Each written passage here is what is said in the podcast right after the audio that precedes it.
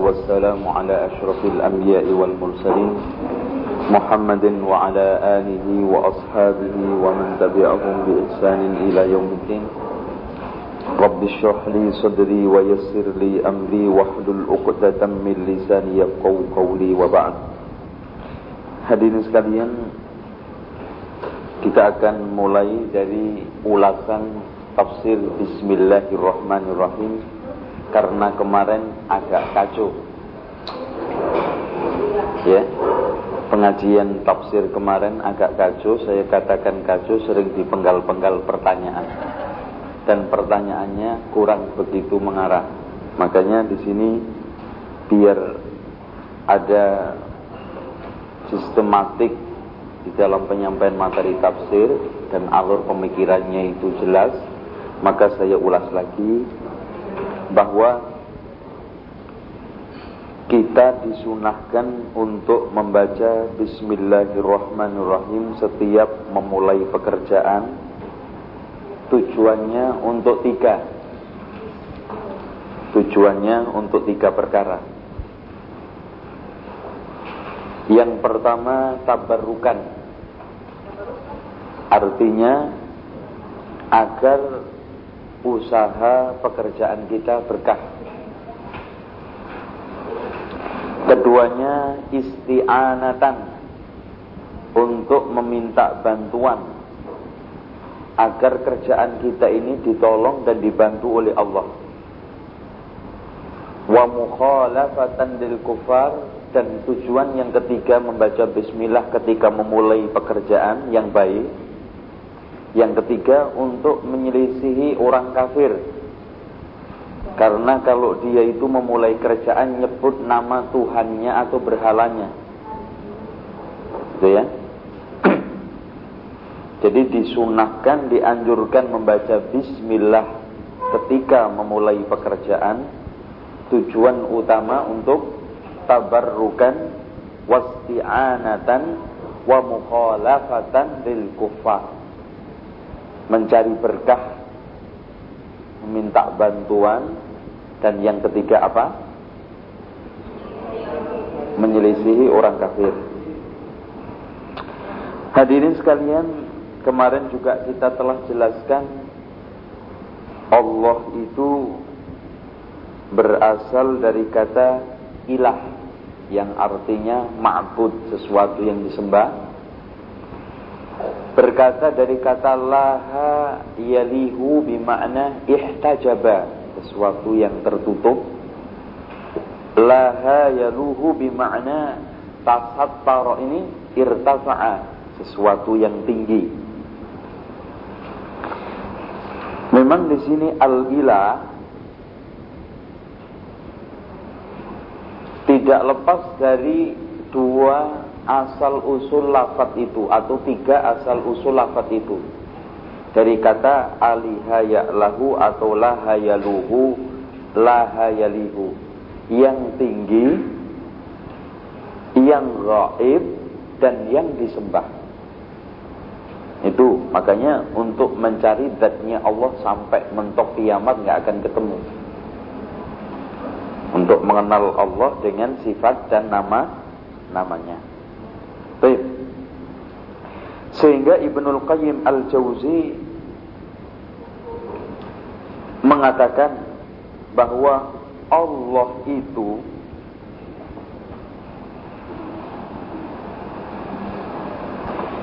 ismun dalun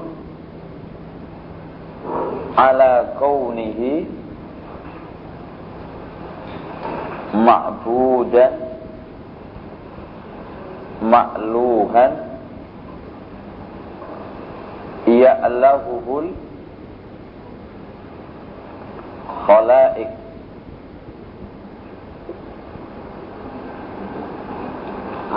محبة وخضوعا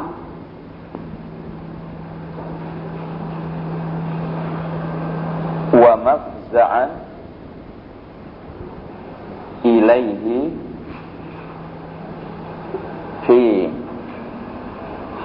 halatil masaib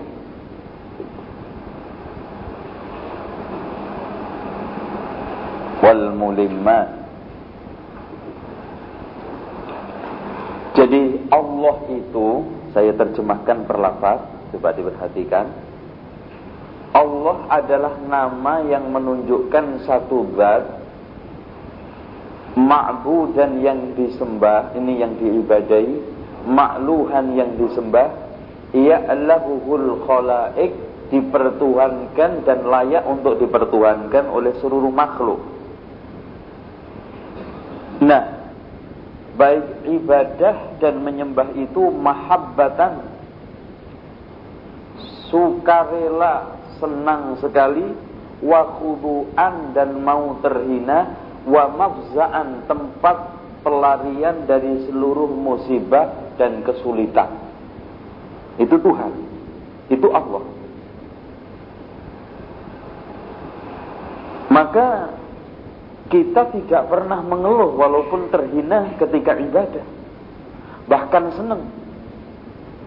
Coba kalau kita lihat orang haji itu kan Masya Allah itu gelandang di Arafah itu kan di rumah bersih ya mandi seenaknya tiba-tiba di suatu tempat yang susah air debunya banyak parfum susah itu kan itu seneng gitu loh itu kalau nggak untuk Allah nggak bisa itu. Maka kita bisa diperbudak, bisa ditekan orang tapi belum tentu senang. Itu bedanya antara budak manusia dengan budak Allah Abdullah. Kalau Abdullah unsurnya mahabbatan wa khudu'an wa mafza'an. Dan memang dia itu senang, terhina, bahkan dia itu menjadi pelarian terakhir ketika mendapatkan musibah dan bencana itu Tuhan. Maka sangatlah tepat kalau Allah mengatakan Kul huwallahu ahad Terus Allahu somad. As-somad itu Tempat mengeluh terakhir Setelah ke sini-kesini sudah mentok semuanya Udah terakhir Allah. Itu namanya as-somad. Dan kenyataan hadirin sekalian Manusia itu kalau kepepet pasti mengadu dan mengeluh kepada zat yang maha kuasa walaupun bukan orang muslim. Bukan orang muslim. Maka kalau ada orang non muslim pun ateisme dilempar dari tingkat empat itu minta tolong itu yang dimintai tolong siapanya mbahnya apa kakeknya kan enggak kan zat yang maha kuasa yang bisa menyelamatkan dalam posisi seperti ini itu yang diinginkan itu ya maka secara fitrah manusia itu mengenal Allah. Baik. Kemudian kita ini ulasannya, ya. Biar ada alur kalau ibu-ibu mau ngajar juga seperti itu gitu ya. Jangan dipotong-potong pertanyaan ya. biar biar enggak. Ar-Rahman. Ar-Rahman, Ar-Rahim kemarin saya katakan berasal dari kata Ar-Rahmah atau Ar-Rahim.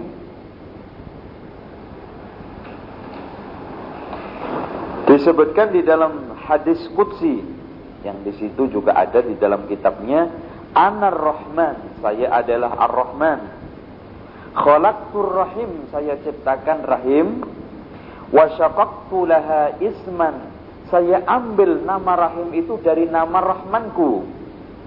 Min ismi faman wasolaha wasaltuhu. Siapa yang menyambungnya aku akan menyambungnya. Waman qata'aha qata'tuhu. Siapa yang memutuskan maka aku akan putuskan juga. Maka tidak akan masuk surga orang yang memutuskan silaturahmi di dalam hadis yang lainnya. Dan siapa yang ingin diluaskan rezekinya dipanjangkan umurnya disuruh menyambung silaturahmi. Pada cerita yang indah sekali. Pernah ada orang yang dikuntit oleh malaikat. Dicegat di tengah jalan kamu mau ke mana? Saya mau ziarah ke teman saya apakah ada harta benda yang kamu inginkan dari dia? Enggak. Apakah ada perdagangan-perdagangan tertentu yang kamu akan tuju? Tidak. Hanya saja saya itu cinta karena Allah. Subhanallah dia mengatakan Wahai hamba Allah, ketahuilah saya adalah utusan Allah untuk mengabarkan bahwa Allah mencintaimu dan mencintai langkah-langkahmu. Makanya silaturahmi itu penting. Jangan sampai dilewatkan, jangan sampai di tapi yang positif. Jangan buat pakuyupan-pakuyupan, terus nanti isunya macam-macam di atas namakan silaturahmi, ya, yang positif, ya ya tidak harus ngaji tapi yang positif jangan nanti isinya silaturahmi datangin artis joget-joget begitu ya nggak nggak nggak dapat ini fadilah ini ya. ya hadirin sekalian kata ar-rahman kemarin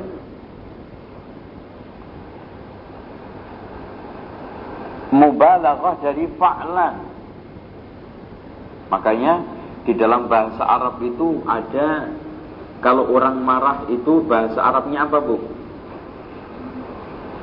Hah? Ghadibun Marah Tetapi kalau diikutkan wazan fa'lan ghadban Jadi ar-rajulul muntalik bil ghadab Orang ini sudah jasadnya itu jasad diciptakan untuk marah gitu kan Pokoknya tukang marah, gampang marah, dan pemarah. Itu ghadban. Berlebihan marahnya itu. Makanya kalau Rahman ini diambil dari kata rahmah, ikut wazan fa'lan berarti rahmahnya Allah itu berlebihan. Sehingga ulama-ulama mengatakan di antaranya adalah Ibnu Jarir At-Tabari Ar-Rahman itu konsekuensinya rahmatun rahmatullah ala jami'il khalqi atau makhlukat Kalau kita lihat dari sehat wazannya saja bahasa Arabnya fa'lan artinya mubalaghah berlebihan maka Nama Allah Ar-Rahman ini memberikan satu konsekuensi rahmatnya Allah itu berlebihan, nggak pandang bulu kepada semua makhluknya, muslim kafir pun juga kena. Gitu. Adapun kalimat Ar-Rahim itu khasun bil mu'minin, makanya di dalam surat Al-Ahzab ayat 43 Allah mengatakan wa kana bil mu'minina rahimah di dalam Quran itu di dalam tafsir e, situ ada ayat itu. Ya. Jadi wa kanallahu bil mu'minina rahimah. Ketemu enggak? Di dalam surat Al-Ahzab ayat 43 nanti dicari di rumah ya. Oke. Hmm. Apa yang jatuh? Yang penting nggak ngantuk. Kalau pagi-pagi ngantuk ini, masya Allah. Baik. Hadirin sekalian, di sana juga ada ungkapan di dalam surat Al-Furqan, ya, ayat 59. Thummastawa 'alal arsy ar-Rahman. Ini nama Allah ketika bersemayam di atas aras. Hadirin sekalian, ini ada suatu hikmah. Kenapa Allah ketika bersemayam di atas aras menggunakan nama Ar-Rahman tidak Al-Jabbar? Karena ketika Allah menciptakan bumi, langit, kemudian isinya, kemudian bersemayam di atas arasnya, akan menyelimuti dengan rahmatnya seluruh alam semesta makhluknya ini. Makanya Allah menggunakan kalimat Ar-Rahman. Dan kalimat ini, nama Allah Ar-Rahman ini paling tinggi, paling menonjol. Sehingga di dalam hadis Qudsi itu, Inna rahmati sabaqat ghadabi. Inna rahmati sabaqat ghadabi. Artinya rahmatku itu mendahului murkaku. Makanya di sini rahmat Allah itu nggak pakai embel-embel. Allah akan merahmati orang kalau begini enggak. Tetapi kalau ghadabnya Allah murkanya Allah itu pakai embel-embel karena sebab. Enggak mungkin Allah itu marah tanpa sebab. Makanya kalau kita tidak bisa mengatakan sifat Allah marah ini buruk. Karena Allah marah ini karena sebab, karena ada sebab. Allah marah sama orang Yahudi.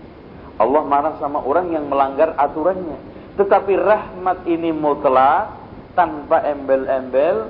Allah merahmati orang yang hanya begini saja, tidak begini tidak. Sehingga di sini sangatlah tepat kalau di dalam hadis kursi ini inna rahmati sabaqat ghadabi karena rahmat itu sifatnya mutlak, ghadab marah itu pasti ada sebabnya, ada embel-embelnya. Eh, jelas nggak Bu? An Al-Furqan tadi ayat 59. Ya, ayat 59. Nih, ini ulasan. Di dalam surat Al-Isra juga Allah memberikan suatu apa e, penjelasan bahwa ketika kita berdoa itu diutamakan untuk menyebut Ar-Rahman. Karena intinya manusia berdoa itu yang diminta macamnya kayak apa tetap itu semua akibat dari rahmat Allah. Kita minta rizki-rizki bagian daripada rahmat Allah. Kita minta kesehatan. Kesehatan itu rahmat dari Allah. Makanya di sini Allah mengatakan Qulidu'ullaha awidu'ur rahmana ayyamma tad'u falahul asmaul husna surat Al-Isra ayat 110. Itu. Hanya kalau kita itu tawasul ya dengan nama Allah yang paling utama itu Ar-Rahman. Ya, Ar-Rahman. Baik. Dengan demikian hadirin sekalian, bahwa kita di dalam masalah memaknai Ar-Rahman seperti doa di dalam ini ini doa Rasulullah sallallahu alaihi wasallam Rahmanud dunya wal akhirah wa rahimahuma. Jadi Allah itu Rahmanud dunya wal akhirah sayang dunia akhirat. Artinya kepada orang muslim kafir di dunia kafir muslim ini mukmin saja di akhirat. Maka di dalam hadis Rasulullah Shallallahu Alaihi Wasallam pernah menukil riwayat dari Isa. Isa mengatakan Rahman itu Rahmanud dunia, Rahim itu Rahimul akhirah. Artinya Rahmanud dunia dia maha pengasih dan maha penyayang kepada seluruh hambanya. Sehingga Eh, kata-kata Isa ini dibuat ideologi utama orang Kristen. Makanya dakwanya orang Kristen itu kasih sayang aja ke mana-mana. Itu. Tapi sampai kebablasan. Ya. Sampai membuat hari raya kasih sayang Valentine. Ya. Itu gak benar ya, gak benar. Hadirin sekalian, sekarang ini bagaimana hukumnya menggunakan nama-nama dari asma Allah termasuk Ar-Rahman. Di sini tidak semuanya dilarang, tidak semua boleh. Seperti di antara yang ada larangan nyata menggunakan nama Allah. Anak saya nanti kalau lahir saya namai Allah. Enggak boleh. Gitu. Kalau ada nama seperti ini berbahaya. Allah. Makanya disunahkan Abdul Allah. Khairul asma, afdalul asma katanya Rasulullah, Abdullah wa Abdurrahman. Itu ya. Nah, yang keduanya Ar-Rahman. Bahkan Ibnu Katsir menyatakan di dalam tafsirnya ini, siapa saja yang coba-coba menggunakan nama Allah Ar-Rahman untuk dirinya, Allah akan menghinakan di dunia dan di akhirat. Bukti nyata adalah Musailamah ketika dia itu memproklamasikan dirinya Rahmanul Yamama daerah Yamamah ini mana bu? Pak? Hah? Yamamah ini Riyadh Yaman dengan Yamamah itu lain Yaman itu Yaman kalau Al-Yamamah ini sekarang Riyadh dia mengiklan ini memproklamirkan dirinya sebagai Rahmanul Yamamah. Pokoknya kalau nggak ada saya orang Yaman ini kebelang ini Yamamah ini kebelangsak semuanya. Kalau nggak ada saya semua orang Yamamah ini akan kena musibah. Rahman. Ketika dia memakai atau menyabet nama Allah yang khusus ini Allah dihin, ini Allah menghinakan selama-lamanya dengan di dunia dijuluki Al-Kadzab. Musailama Al-Kadzab. Dia menyabet titel Al-Kadzab itu bukan apa-apa, bukan hanya sekedar dia itu ngaku jadi nabi karena dia mengaku mengklaim dirinya Rahmanul Yamama. Maka Al-Kadzab menjadi pakaian dan siapa saja kenal. Bahkan seakan-akan orang awam ketika mendengar Musailamah Al-Kadzab, Al-Kadzab itu diberi nama oleh bapaknya. Padahal Al-Kadzab ini julukan diberikan oleh orang. Musailamah Al-Kadzab. Begitu juga kita. Ketika kita mencoba untuk menggunakan nama Ar-Rahman untuk diri kita, Allah Subhanahu wa taala akan menghinakan kita di dunia sebelum nanti di, di akhirat. Maka dihindarkan itu. Adapun Rahim boleh anak kita kita namai Rahim nggak usah Abdul Rahim dalilnya dari mana dari surat At-Taubah ayat 127 laqad ja'akum rasulun min anfusikum azizun alaihi ma anittum harisun alaikum bil mu'minina raufun rahim ya 128 Terakhir kayaknya. Ayat terakhir. Raufun Rahimun Ini bukan nama Allah. Tetapi nama ini diberikan oleh Allah untuk Rasul. Laqad ja'akum Rasulun sifatnya Raufun penyayang Rahimun. Ini memberikan kasih sayang yang penuh kepada umatnya. Sehingga saking sayangnya sampai dengan umatnya itu ketika dakwah diantemin kayak apa tetap aja dakwah malah mendoakan baik. Dan Haris Haris itu sangat berkeinginan untuk umatnya ini baik itu kita dibutuh ini membutuhkan pemimpin seperti itu Pak Bu ya jadi seorang pemimpin kalau mempraktekkan seperti apa yang telah dipraktekkan oleh Rasulullah azizun alaihi Seorang pemimpin itu harus memiliki sikap izzah. Ya. Izzah. Tidak gampang kena pengaruh dan tidak juga gampang kena kotoran-kotoran itu. Ya. Harisun alaikum. Dia sangat ingin menunjukkan umatnya. Ra'ufun rahim. Penyayang.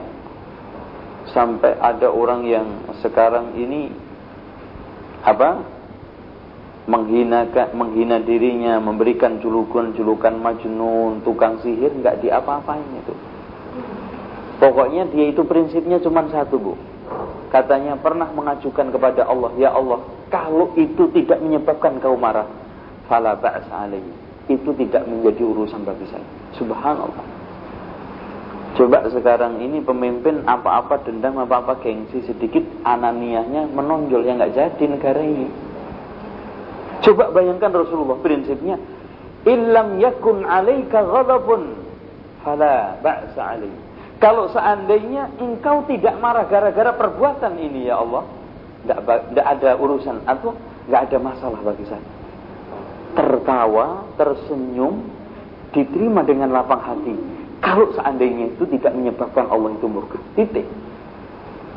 Ini makna daripada Ra'ufun Rahim itu pun masya Allah sering ditegur oleh Allah. Ketika um, Abdullah ibnu Umi Maktum datang mau minta penjelasan Islam karena sibuk orang-orang jahiliyah yang tokoh-tokohnya datang itu Abu Jahal, Abu Sufyan, ya. Rasulullah SAW lebih menseriusi, lebih memperhatikan ini daripada yang buta ini. Abasa wa tawalla. Anja'ahul a'ma. Wa ma yudrika la'allahu yazakka. Siapa tahu dia ini lebih bersih.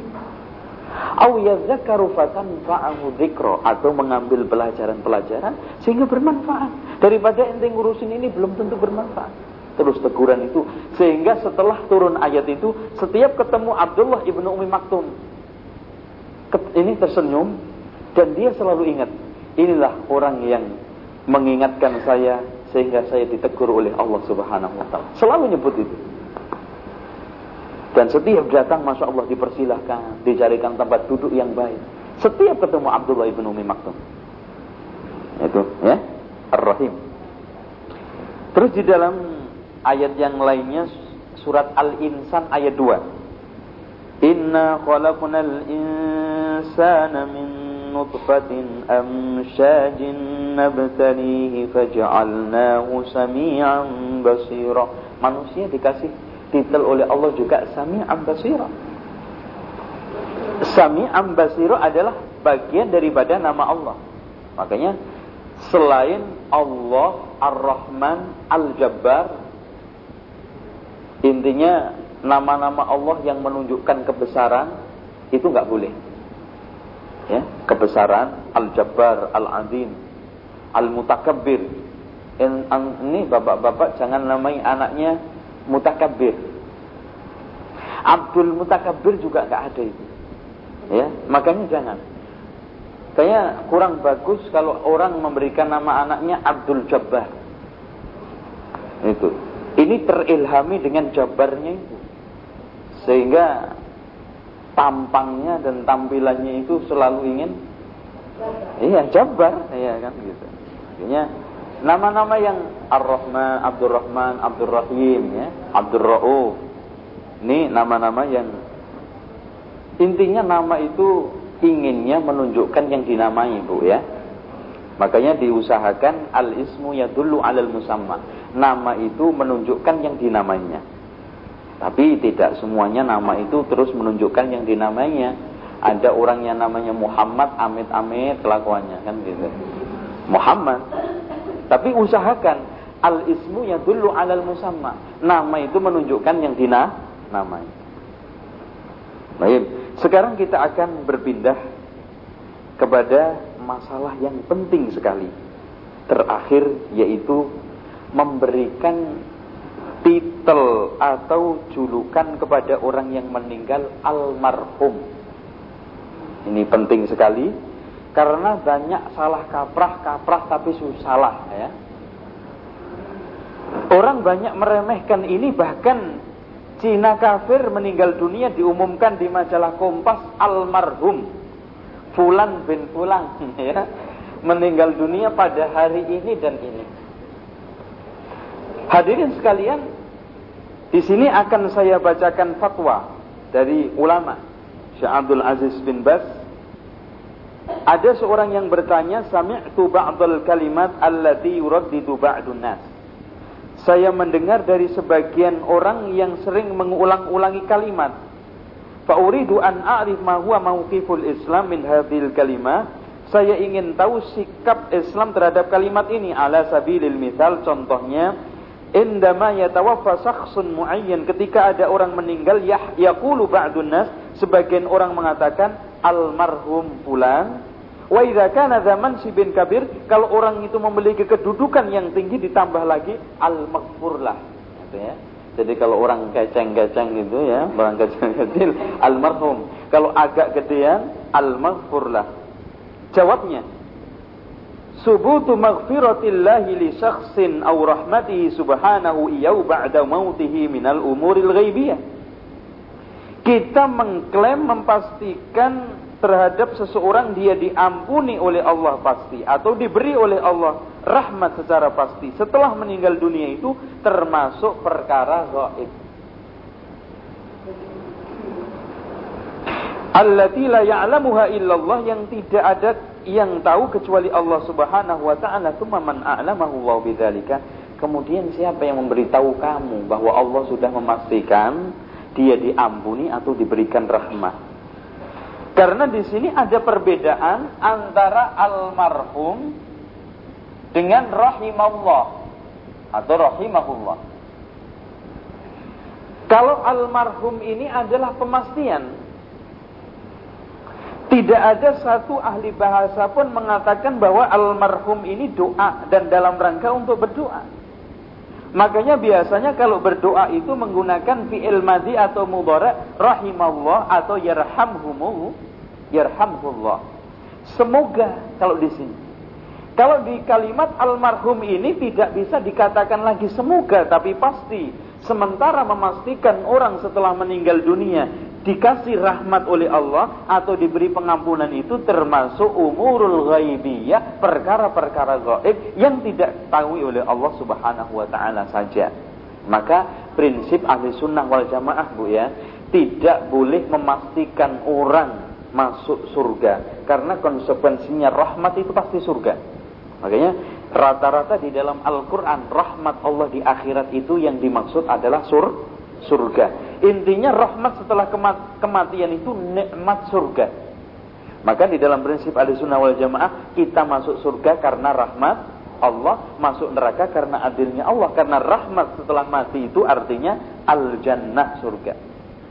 Prinsip ahli sunnah wal jamaah kita tidak boleh memastikan orang surga masuk surga kecuali orang yang telah dipastikan oleh Allah masuk surga, Rasulnya juga memastikan masuk surga seperti orang sepuluh yang dijamin masuk surga. Sehingga ketika ada orang Rasulullah mengatakan akan masuk surga 70 ribu dari umatku tanpa hisab. Sahabat datang ya Rasulullah, ud'u minhum ya Allah ya Rasulullah doakan untuk saya agar saya termasuk mereka. Sampai Ukasa, ya Rasulullah saya doakan agar tergolong mereka. Naam anta minhum, engkau tergolong mereka. Sehingga ada orang yang datang, ya Rasulullah saya, gimana? Sabakoka ukasa, jatahmu sudah didahului ukasa tadi. Kalau sekarang ini pengklaiman surga itu di tangan Rasulullah pribadi per pribadi, orang per orang, maka nggak usah repot-repot ya, ente. Ente mau nggak ditawari semuanya. Rasul bukan bagi-bagi surga, bukan jualan surga berdakwah itu untuk menunjukkan orang mendapatkan hidayah, mudah-mudahan mendapatkan rahmat Allah. Dia tidak akan memastikan kecuali dapat wahyu dari Allah bahwa orang ini adalah min ahlil jannah. Seperti ada orang yang mau datang lagi ngumpul-ngumpul Rasulullah ini sebentar lagi akan datang min ahlil jannah, orang yang ahlul jannah. Penasaran sampai dua kali. Orangnya itu biasa ya, jadi ke masjid itu sambil nenteng sandalnya di sebelah kiri menyeka bekas wudhunya di e, jenggotnya. Kemudian ada salah seorang sahabat yang namanya Abdullah bin Sa'ad bin Waqqas. Dia pura-pura bohong. Nah ini bohong di dalam rangka maslahat itu boleh, tapi jangan dibiasakan. Ya, umpamanya bohong sama istrinya, ya, di dalam rangka maslahat nggak apa-apa tapi jangan dibohongi terus. Ya ibunya udah khawatir pak. Ya. Saya itu punya masalah sama bapak saya sampai saya itu sumpah tiga hari saya tidak akan tinggal di rumah bapak saya. Oh begitu iya. Bisa nggak saya nitip tidur tiga hari di rumah? Am iya silahkan setelah itu hadirin sekalian tiga hari itu tujuannya untuk ngecek apa sih yang dilakukan orang ini sehingga diklaim dua kali oleh Rasulullah min ahlil jannah? Hari pertama nggak dapat apa-apa biasa. Qiyamul juga enggak, tahajud juga enggak. Cuman ketika dia itu terbangun, ya apa namanya? Terbangun itu uh, orang apa bahasa Indonesianya bu? Kalau lagi terbangun itu enggak menggeliat, ya menggeliat itu membaca zikir, zikir untuk di dalam buku ya, iya mulai ya. Ada buku doa ya Bu ya. Di sana ada doa untuk ketika kita itu menggeliat bangun dari tidur. Ya. Ada. Nah, itu aja yang dilakukan. Katanya dia kali aja hari yang kedua. Ini lagi pegel dia. Hari kedua juga nggak dapat apa-apa. Hari ketiga sudah juga sama. Aduh, ini bohong nggak ada gunanya ini gitu. Ya, saya rugi akhirnya terus terang. Sebetulnya wahai Abdullah ini namanya juga Abdullah. Saya nggak ada masalah sama sama bapak saya. Saya hanya ingin tidur bersama kamu, ingin tahu apa sih yang kamu kerjakan sehingga kamu dua kali diklaim oleh Rasulullah min ahlil jannah. Ya, tidak ada kecuali yang kamu lihat. Ah, masa yang benar dong. Iya, cuman saya itu nggak punya rasa dongkol sama orang. Wah ini yang gede. Ini yang nggak bisa katanya dia. Ini yang nggak bisa saya lakukan.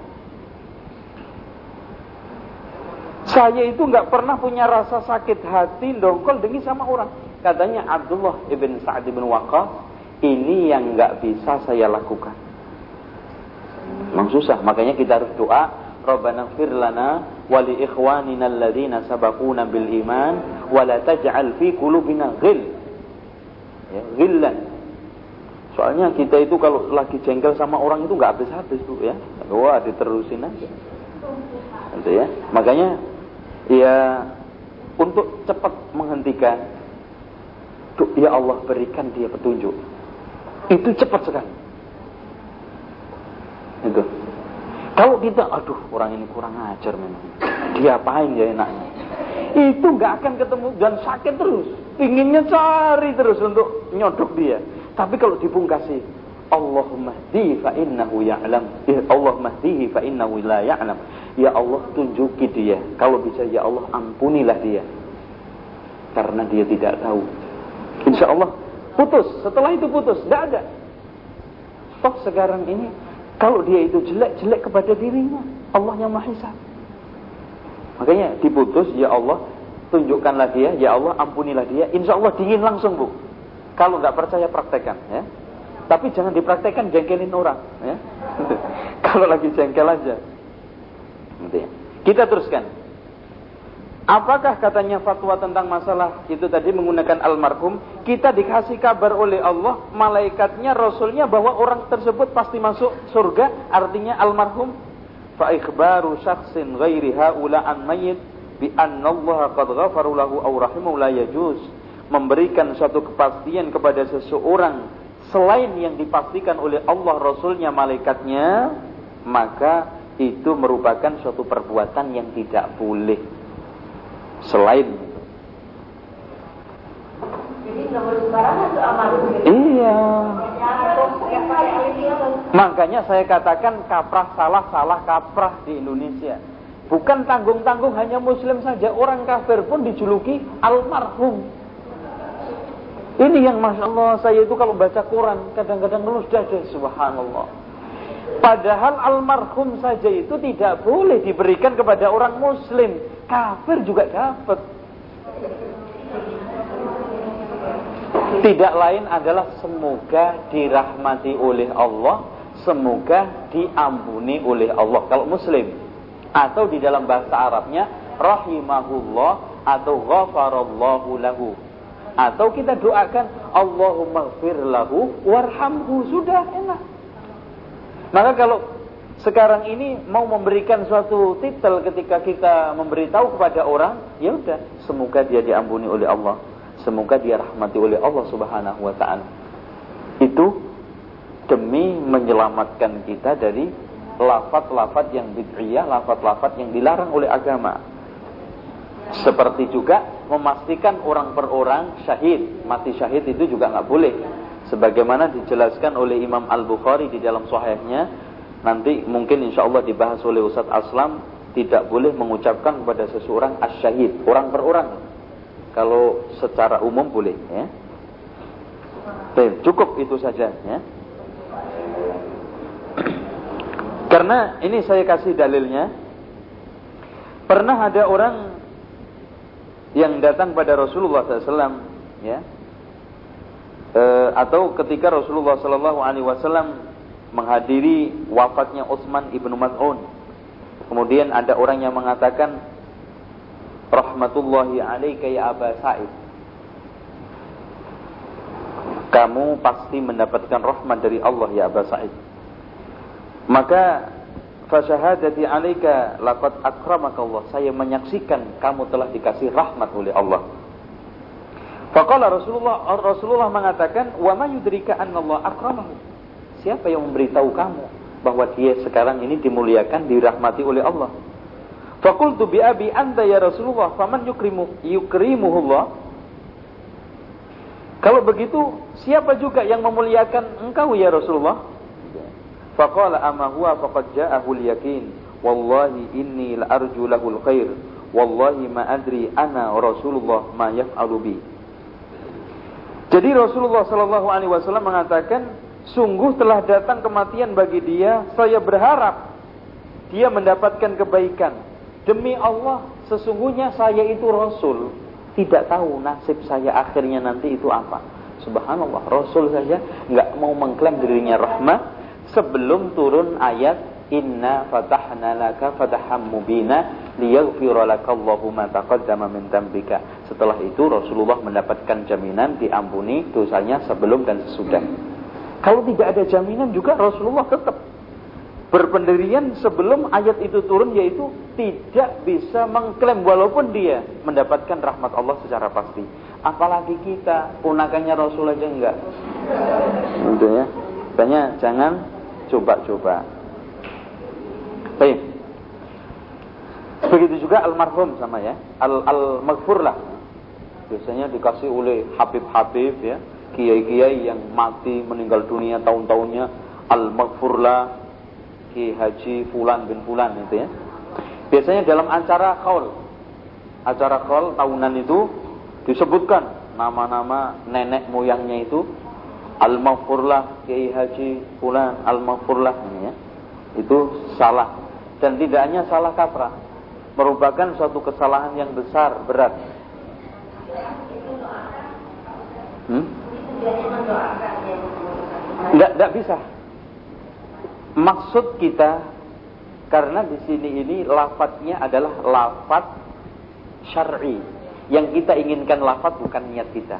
Dan kita apalagi nggak tahu bahasa Arab kan orang bisa umpamanya ada orang bilang anti tolikun istri kepada istrinya kamu saya talak wah niat saya itu enggak enggak bisa. Lafaz syar'inya itu sudah nyata bahwa itu diucapkan jatuh ya. Kita langsung kepada alhamdulillahi rabbil alamin. Alhamdu artinya asyukru lillahi khalisan duna sa'iri ma yu'bad min dunillah. Hadirin sekalian alhamdu itu definisinya ungkapan syukur secara ikhlas kepada Allah tanpa atau bukan kepada yang lainnya. Ya, setiap ulama itu memberikan arti alhamdu itu alil istighraq artinya seluruhnya. Alil istighraq seluruhnya.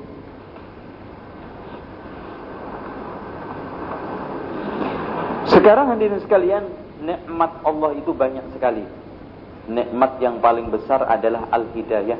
Masya Allah, bapak-bapak, ibu-ibu sekalian, kalau nggak ada hidayah, ibu mungkin bukan duduk di, nggak duduk di sini. Mungkin duduk di kafe itu masih mendingan duduk di gedung film. A'udzubillah min Karena tanpa hidayah, orang Solo makan tainya kebu. Sebentar lagi, bulan Suro, tanggal 1 Muharram, akan ada arak-arakan kiai selamat ke seluruh keliling ke seluruh kota. Karena hidayah, karena karena tidak ada hidayah, orang Indo nyembah sapi. Karena tidak ada hidayah, masya Allah, keluarga berantakan. Karena tidak hidayah, tidak ada hidayah, hadirin sekalian, yang paling penting akhirat kita amburadul berantakan. Makanya harus kita syukuri. Nah, kita ini kalau berislam itu jangan jangan mengungkit-ungkit Islam kita itu wah kalau saya nggak sholat ini gimana Islam jangan kita itu seharusnya bersyukur. Yang seharusnya ngungkit-ngungkit itu Allah. Ente kalau nggak kasih hidayah ente kan gitu. Ada orang sekarang bisa sholat aja suka kayak-kayak memberi Islam. Wah coba lihat saya ini. Itu baru sholat. Ya makanya di sini hadirin sekalian syukur alal hidayah. Islam. Yang keduanya syukur pemberian nikmat yang berupa sehat dan umur. Dikatakan di dalam hadis Rasulullah ni'matani maghbunun fihi ma kathirun minan nas. As-sihhatu wal farah. Dua kenikmatan banyak manusia tertipu dengan dua kenikmatan sehat dan sempat Orang punya sehat tapi belum tentu sempat loh. Sempat atau kesempatan banyak di rumah sakit. Iya. Ngaji mau ngaji juga nggak bisa, jangankan ngaji makan aja disuapi. Loh ini loh, mumpung kumpul sempat sehat, gunakan untuk ibadah. Kalau sekarang orang modelnya prinsipnya muter pak. Kalau di sekarang dikejar ibadah katanya sibuk. Kalau sekarang ditanya ketika kerja kurang waktu. Nah ini kan muter terus. kapan bisa ibadah? Giliran kerja katanya kurang waktu, giliran ibadah katanya sibuk. Maka di sini ada kata-kata hikmah, Bu ya. Sangatlah untung orang yang sekarang ini, hari sekarang ini lebih baik daripada hari yang kemarin.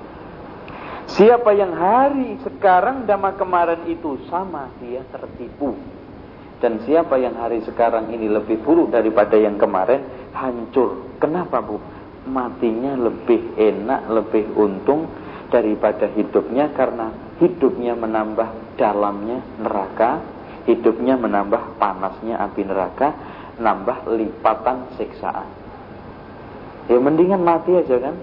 Nah kalau nggak mau mati, hidup terus, jadilah orang yang baik, semakin tambah umur, tambah kebaikan. Soalnya bu ya, umur kita itu tambah bukan tambah banyak. Tambah kurang. Mungkin sekarang di agenda kita tambah. Agenda malaikat mati maut ini kurang. Wah ini orang ini tinggal 29 tahun lagi dibuka gitu, gitu. lihat wah ini kurang lima tahun lagi gitu kan. Maka insya Allah. Banyak umur terus sehat sehat itu maka Al Hasanul Basri mengatakan Pak ya, laula salasa kalau bukan karena tiga, lam yutok tiul insanu ra'sahu manusia nggak mau nundukkan kepalanya, cungkak terus. Sakit, miskin, mati.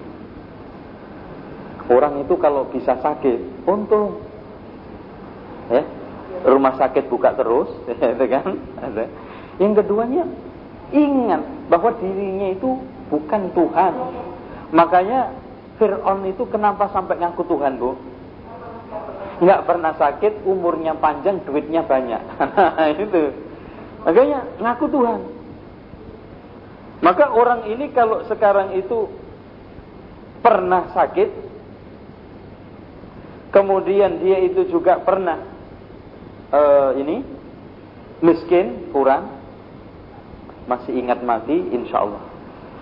Hadirin rahimakumullah, ini seputar masalah nikmatus sehat. Ya, nikmat kesehatan. Mari kita syukuri. Yang terakhir yang perlu kita juga syukuri Pak ya, nikmatul mali wal walad. Nikmatnya harta dan anak. Ya. Ini saya katakan nikmat hidayah itu nikmat nikmat besar nikmat umur kesehatan itu nikmat sedang, nikmat anak dan harta itu nikmat kecil. Kenapa kalau sekarang orang sehat umurnya panjang nggak ada hidayah juga nggak karu-karuan. Begitu juga harta banyak, anak juga ganteng-ganteng, pangkat-pangkat kalau nggak ada hidayah juga nggak ada artinya. Maka Allah mengatakan innama amwalukum wa auladukum fitnah. Bahkan di dalam hadis Rasulullah disebutkan al-waladu mabkhalatun membuat bapak bakhil. Majmanatun membuat bapak orang tuanya pengecut. Maftanatun kadang-kadang difitnah. Enak-enak nyantai tiba-tiba dengar anaknya tawuran. Nah, kan fitnah itu. Makanya supaya anak ini tetap membuat kita itu enak. Amanah tarbiyah pendidikan tidak lain. Jadi waladun soleh, anak yang soleh itu tidak bim salah bim bu ya.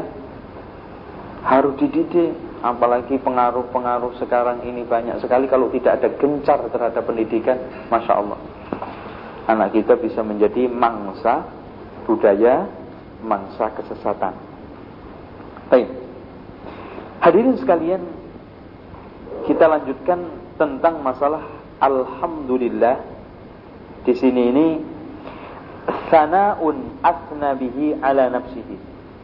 Alhamdulillah ini sebetulnya pujian Allah untuk dirinya sendiri karena Allah itu senang memuji dan dipuji. Maka di dalam doa uh, ini subhanaka ini sanaan alaika la uhsi la uhsi sanaan kama asnaita ala kama anta asnaita ala nafsik ya. La uhsi sana'an alaika Anta kama asnaita ala nafsik Ya Allah saya tidak bisa menghitung Pujian berapa yang harus saya berikan kepadamu seperti engkau telah membaca pujian-pujian itu untuk dirinya. Artinya banyak sekali. Maka kalau toh sekarang kita itu merasa telah banyak memuji Allah, itu pun belum cukup, tidak mencukupinya dibanding dengan wa in ta'uddu ni'matallahi la tuhsuha. Artinya kita terus memuji kepada Allah Subhanahu wa taala. Sekarang ibu-ibu sekalian perbedaan antara alhamdulillah dengan asyukur.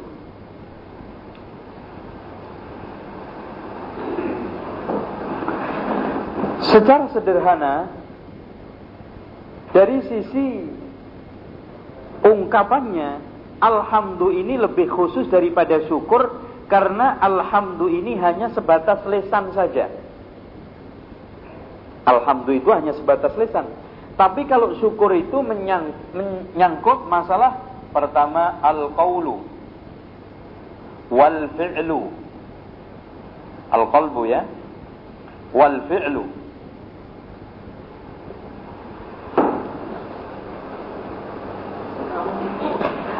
Al-qawlu ucapan artinya syukur itu bisa bentuknya ucapan wal qalbu hati wal fi'lu perbuatan. Bentuk al-qaulu biasa alhamdulillahirabbil alamin yang dimaksud ini. Wal wal qalbu mengakui. Ini yang agak susah.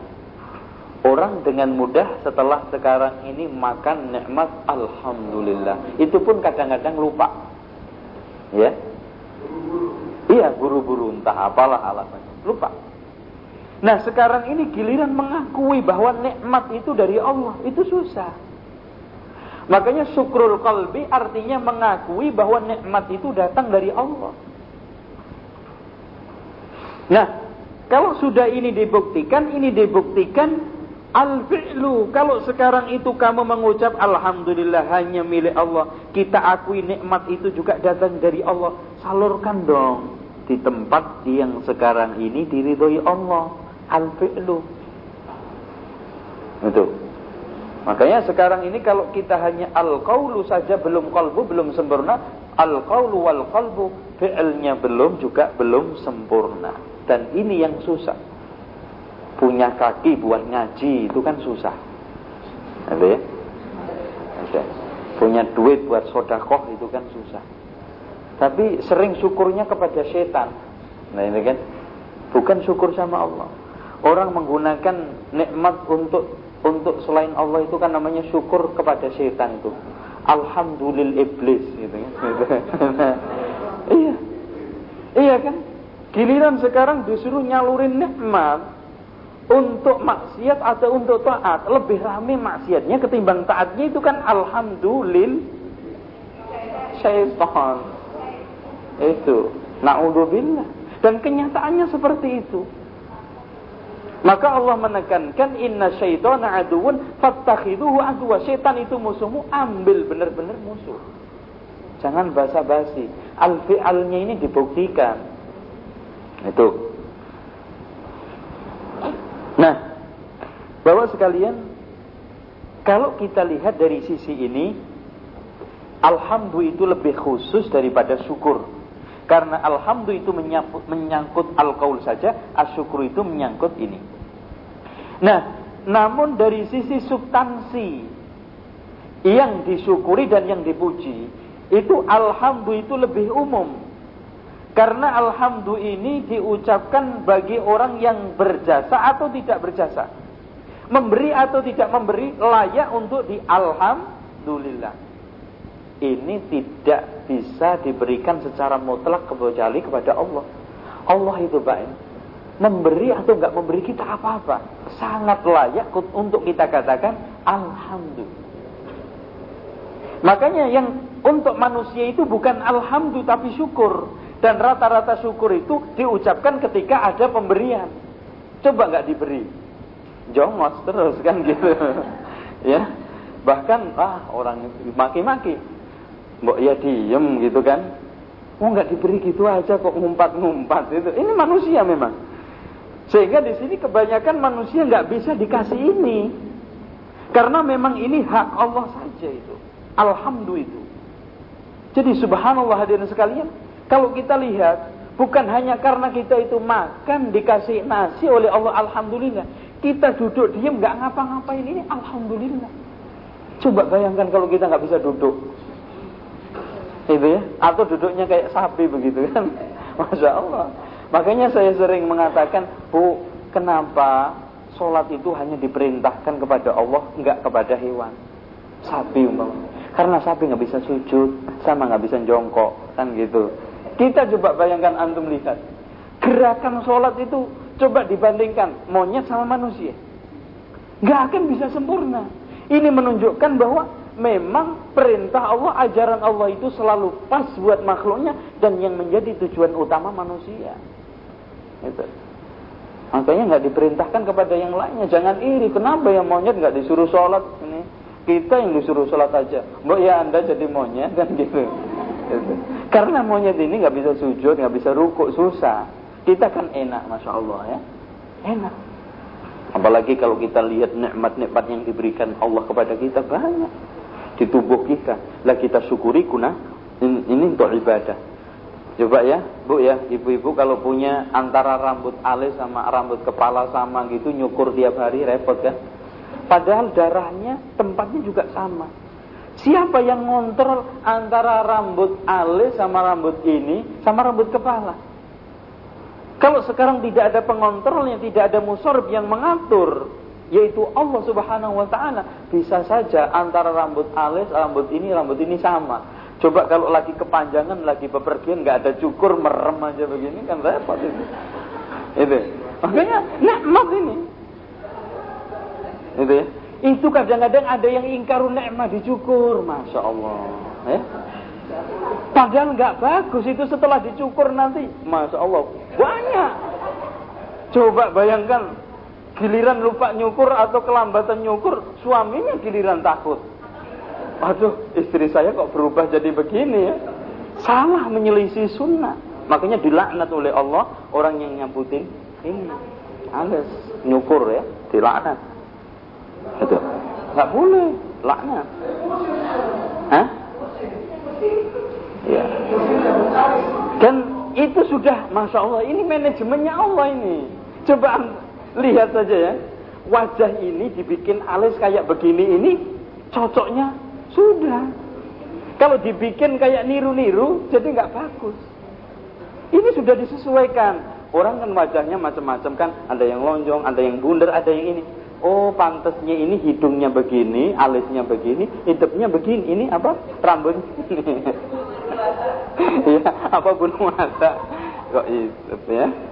Bulu matanya begini itu sudah pas itu. Jangan diprotes. Itu yang lebih alami, itu yang lebih cantik ya. Jangan dibikin-bikin, malah nggak bagus. Pingin kayak Monri, eh, Mondro.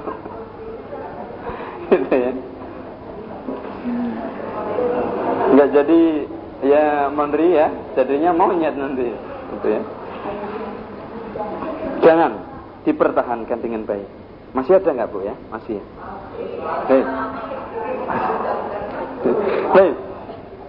Hadirin sekalian, Pernyataan-pernyataan ulama seputar masalah alhamdu. Katanya Umar pernah bertanya kepada Ali, "Wahai Ali, la ilaha illallah subhanallah wallahu akbar, qad arafnahu kami telah tahu." Fama alhamdulillah, apa yang dimaksud alhamdulillah? Qala Ali, kalimatun ahabbahullahu ta'ala li nafsi. Suatu kalimat yang Allah itu senang untuk dirinya dan senang diucapkan oleh hambanya. Makanya kita sering-sering mengucapkan Alhamdulillah. Walaupun gak habis makan. Jangan mengucapin Alhamdulillah nunggu makan saja. Berarti cuma sehari tiga kali. Itu pun kalau ingat.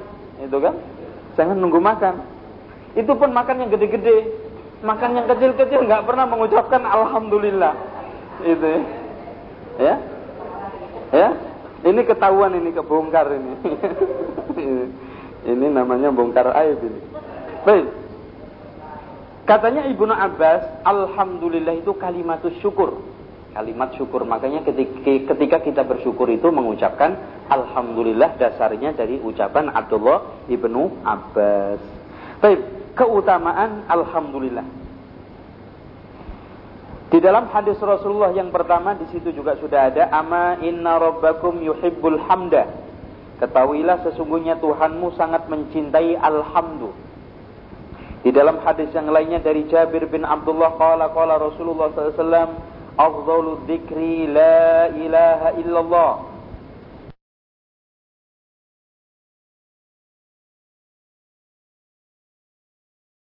La yubtada'u bilhamdilillah fahuwa aqsa Setiap perkara yang baik tidak diawali dengan alhamdulillah itu terputus berkahnya. Makanya tidak hanya bismillah. Kita mau mulai ngaji, mulai makan, mulai kerja, alhamdulillah. Tidak hanya selesai saja. Cuman pada umumnya yang selesai setelah itu hanya makan minum saja. Karena di dalam hadis Rasulullah itu disebutkan, "Innallaha la yarda 'anil abdi idza akala al-akala fayahmaduhu 'alaiha. Fa idza syariba syurbata fayahmaduhu 'alaiha." Allah itu meridhoi, sangat ridho terhadap hambanya ketika habis makan mengucapkan alhamdulillah, ketika habis minum mengucapkan alhamdulillah. Tidak ada yang habis, sedang makan juga. Makan alhamdulillah, habis makan alhamdulillah. Untuk selain makan dan minum itu, Pak, tidak ada dalilnya kita memungkasin perkara kita itu dengan alhamdulillah. Bahkan dalil yang jelas itu kita mengawali dengan Alhamdulillah. Loh ini kan banyak keliru lagi kan kalau nggak ngaji nggak tahu. Kullu amrin la yuktada'u bilhamdulillah. Hadis ini diriwayatkan oleh Abu Dawud dan Ibnu Majah dan hadisnya sahih. Setiap perkara baik yang tidak dimulai dengan alhamdulillah bahwa akto terputus berkahnya. Makanya dikatakan di dalam tadi hadis ini dan juga ada di dalam buku ibu-ibu sekalian Afdalu dzikri la ilaha illallah Zikir yang paling utama la ilaha illallah Wa afdalu doa Maksudnya doa yang paling utama dimulai dengan Alhamdulillah Rawahu tirmidhi Hanya kita disunahkan ketika mau berdoa ya, Allahumma salli ala Muhammad Wa ala ali Muhammad Walhamdulillahi rabbil alamin. Langsung kita doa. Apa saja yang kita inginkan? Rabbana hablana atau Rabbana ufir lana. Allahumma inna nas'alukal hidayata wa atau doa macam-macam ya. Itu. Di dalam hadis yang lainnya disebutkan Bu ya. Subhanallah. Pernah Abu Hurairah menanam suatu tanaman ditanya wahai Abu Hurairah apa yang kau sedang tanam? Ya Rasulullah saya menanam tanaman untuk saya. Nanti saya petik hasilnya. Terus dia mengatakan ya Abu Hurairah Subhanallah walhamdulillah wa la ilaha illallah wallahu akbar. Yaghris laka bi kulli wahidatin syajaratun fil jannah.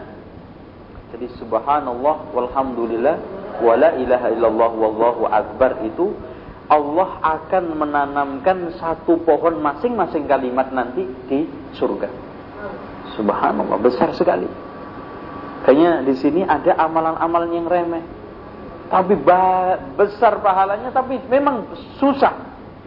Sering dilupakan.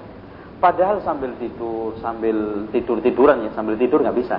Tidur tiduran ya, sambil kita itu nyantai ya berjalan nyetir daripada bengong ya baca subhanallah ya, subhanallah ya bahkan disebutkan di dalam hadis Rasulullah kalimatani khafifatani alal lisan. Dua kalimat yang ringan di lisan. Saqilatani fil mizan, berat di dalam timbangan. Habibatani ilar rahman, sangat dicintai oleh Allah. Subhanallah wa bihamdihi subhanallah al-azim. Bahkan disebutkan dalam riwayat lain siapa yang bisa membaca satu hari seratus kali subhanallah wa bihamdihi Allah akan mengampuni dosanya walau kana mithla zabadil bahri walaupun seperti busa lautan. Hanya kita sering lupain cari yang gede-gede nggak bisa juga, yang kecil-kecil dilupain. Akhirnya enggak, nggak ke sana nggak ke sini. Cobalah dimulai dari yang kecil, yang bisa. Itu caranya ibadah bu. Dimulai dari yang bisa. Sekarang yang bisa, saya ini bisanya apa sih? Kan gitu. Saya ini cuman bisanya baca subhanallah. Seratus kali sehari. Sudah. Lanjutkan. Makanya sahabat-sahabat dulu ibu-ibu sekalian Walaupun tidak bisa mengamalkan seluruh ajaran Islam. Ajaran Islam itu banyak. Pernah datang, ya Rasulullah, ajaran Islam ini sudah mulai banyak. Saya bingung. Ajari ya Rasulullah suatu kalimat yang saya bisa istiqomah, tidak tanya kepada yang lain. Saya ajari subhanallah wa bihamdihi subhanallah al-azim.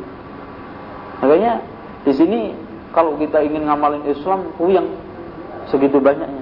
Tapi jangan sampai nggak ada yang kita istiqomah. Tahajud juga enggak. Ya, setiap ke mana-mana nggak pernah wudhu, nggak pernah batal ya, nggak pernah batal juga enggak. Ada salah seorang ulama itu nggak bisa apa-apa, tapi ke mana-mana nggak pernah batal. Selalu bersuci. Ini yang dimiliki oleh Abu Hurairah. Ini eh, Bilal. Ya Bilal, kenapa sandalmu terumpahmu di surga itu mendahului sandal saya? Katanya Rasulullah. Ya Rasulullah, tidaklah saya itu batal kecuali wudhu dan tidaklah saya wudhu kecuali sholat dua rakaat untuk wudhu. Itu ada kelebihan walaupun Bilal itu nggak punya apa-apa tapi punya satu gitu yang diistimewakan. Ada yang tadi ulang ini seorang sahabat yang diklaim oleh Rasulullah ahlul jannah cuman nggak pernah punya rasa dongkol sama orang lain. Ini kan satu amalan yang diistiqomah. Iya.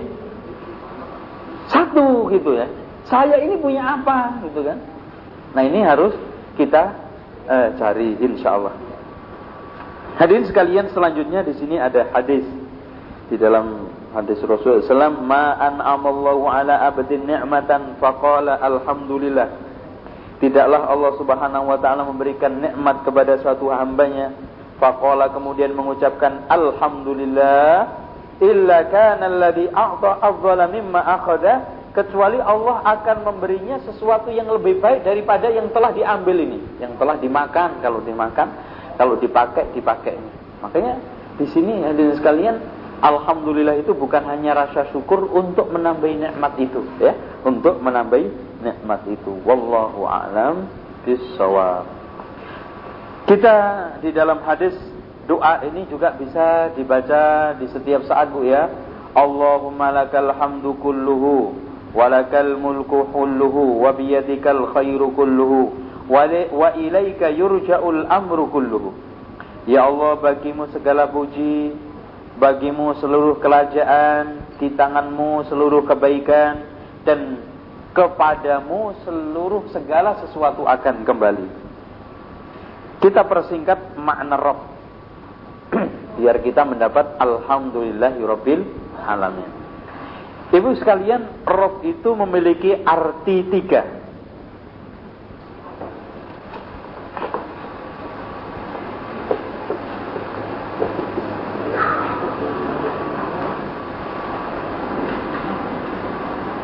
Secara umum Rob itu artinya Al-Malik Al-Mutasarrif Yang memiliki kepemilikan penuh Dan bebas di dalam mengolah atau mentasarufkan kepemilikan itu. Tidak ada kecuali Allah. Pemilikan kita terbatas ya. Tetapi ulama-ulama memberikan arti Rob itu bisa dari tiga. Yang pertama roba yarbu. Artinya ziyadah.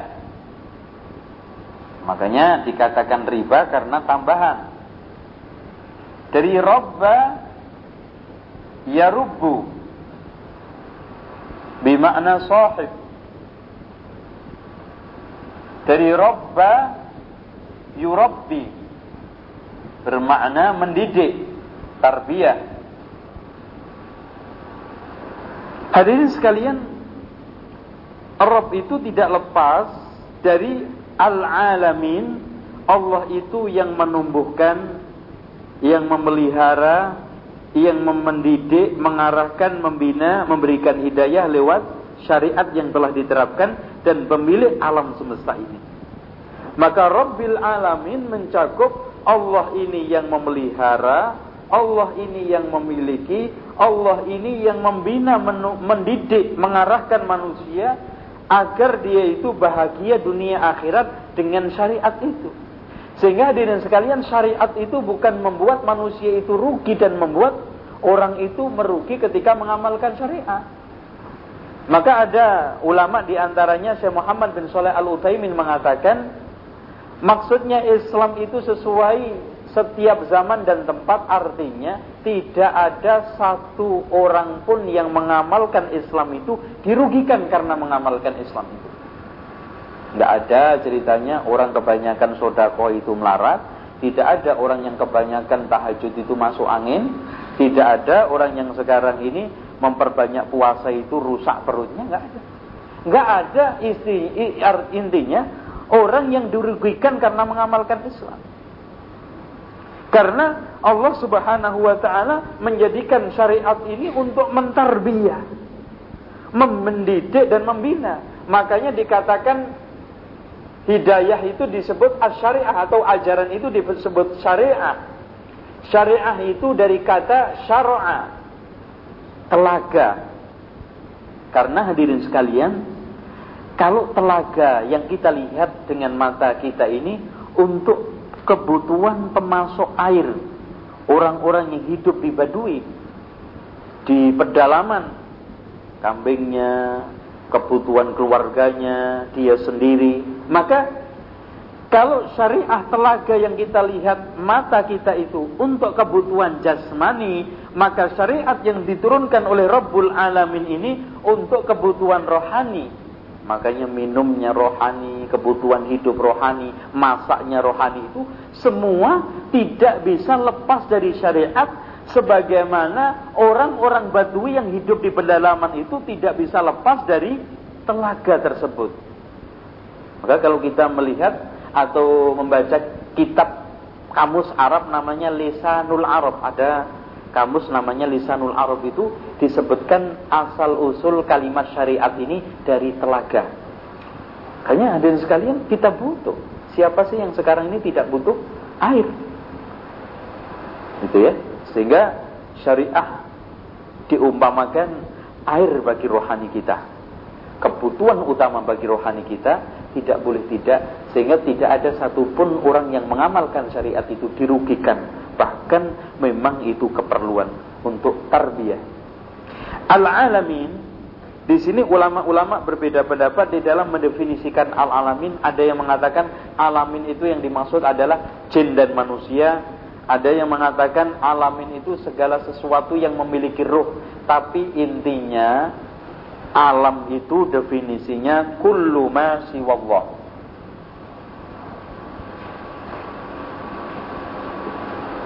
Segala sesuatu yang sekarang ini selain Allah itu alam. Segala sesuatu selain Allah itu alam, itu aja. Inilah yang dimaksud al-alamin. Maka hadirin sekalian, alamin itu dari kata alamah. Tuh, pernah nggak artinya tahu alamat? Alamat itu apa? Alamat, tanda ciri ya. Maka dikatakan alam ini dari kata alamah karena sebagai tanda wujudnya Allah. Maka untuk mengetahui wujudnya Allah itu tidak bisa kita itu pikir pakai filsafat sampai buta atau kita mencari dengan cara-cara meditasi atau merenung atau macam-macam tetapi dengan melihat fenomena yang ada di alam semesta ini Makanya ayat itu dibagi menjadi dua, ada ayat kauniyah, ada ayat syariah. Kauniyah yang ada di alam semesta, syariah yang ada di dalam Al-Qur'an. Wallahu alam bisawab. Insyaallah kita lanjutkan Ar-Rahmanir Rahim Maliki Yaumiddin pada pertemuan bulan depan. Ya. bulan depan. Semoga tidak lupa itu aja. Besok Ustaz Aslam ya, ganti. Ganti. Bu, ada yang tanya Bu, 5 menit atau 10 menit, silahkan. Iya, silahkan Bu.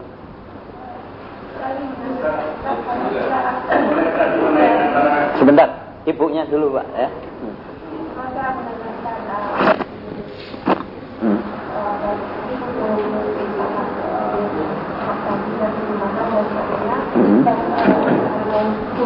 Dari manusia kepada Allah.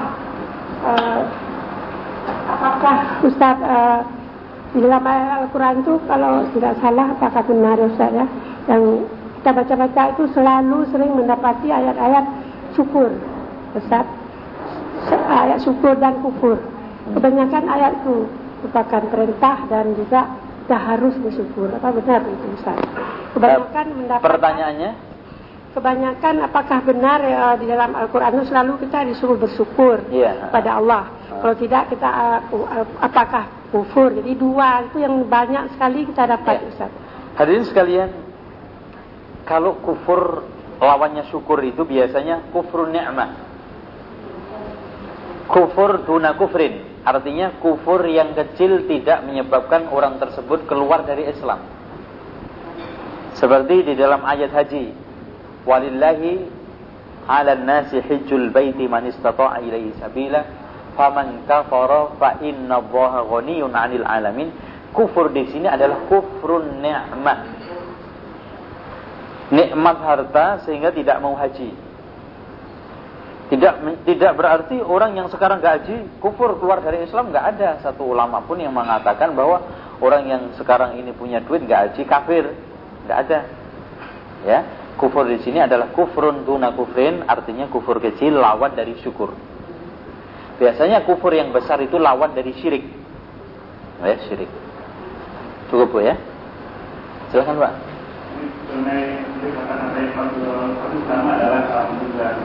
Hmm.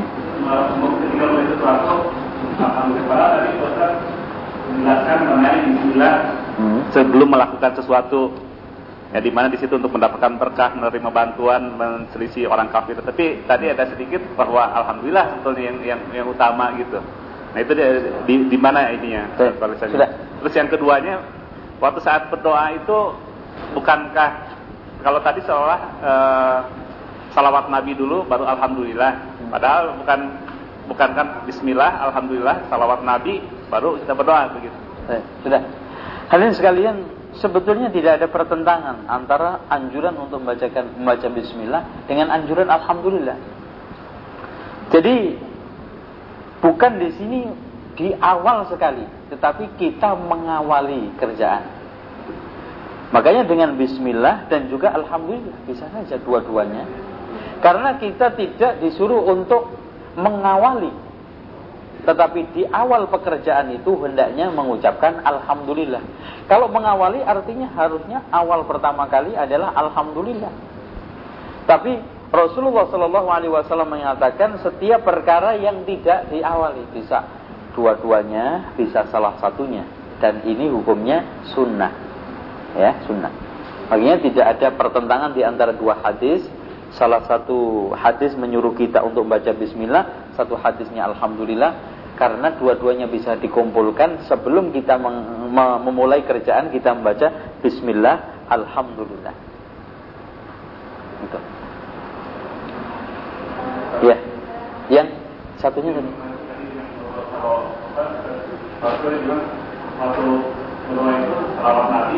Eh, itu sebetulnya nggak ada nggak harus urut ya. Kita alhamdulillah terus sholawat, tapi nggak ada bismillah ya.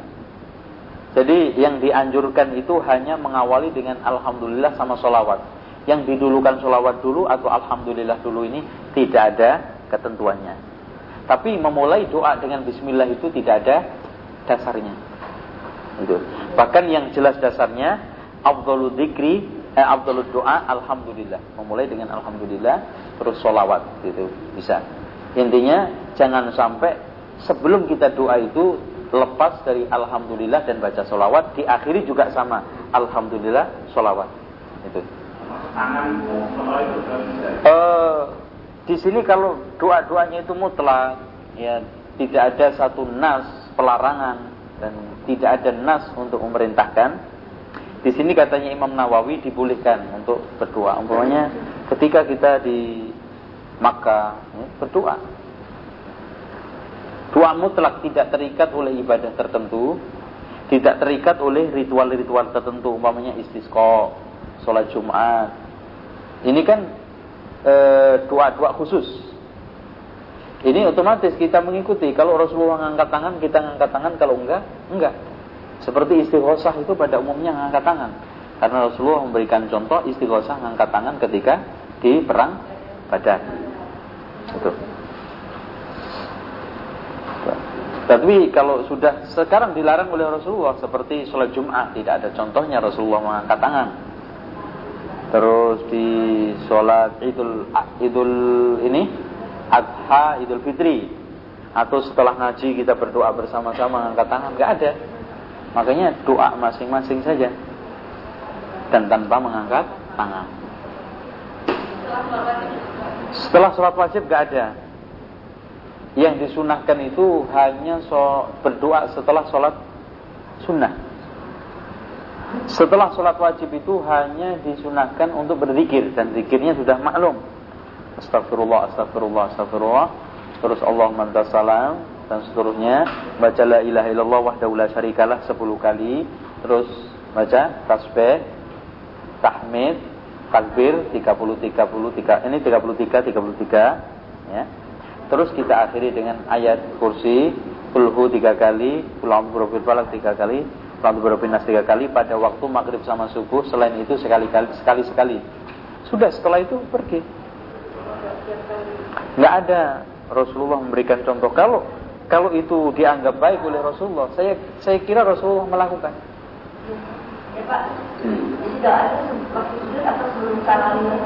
Itu yang dianjurkan.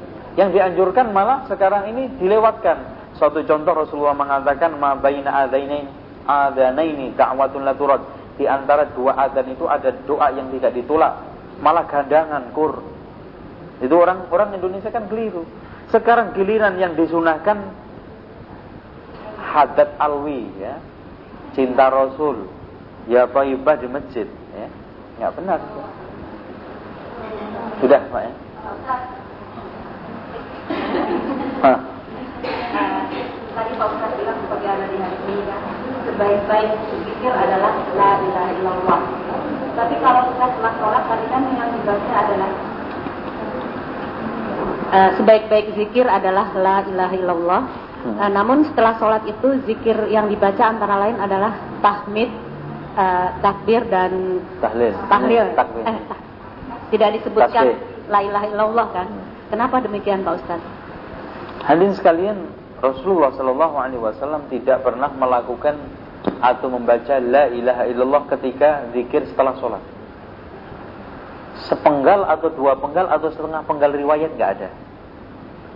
Yang dibaca oleh Rasulullah adalah Subhanallah, Subhanallah 33. Alhamdulillah, Alhamdulillah 33 kali. Allahu Akbar, Allahu Akbar 33 kali.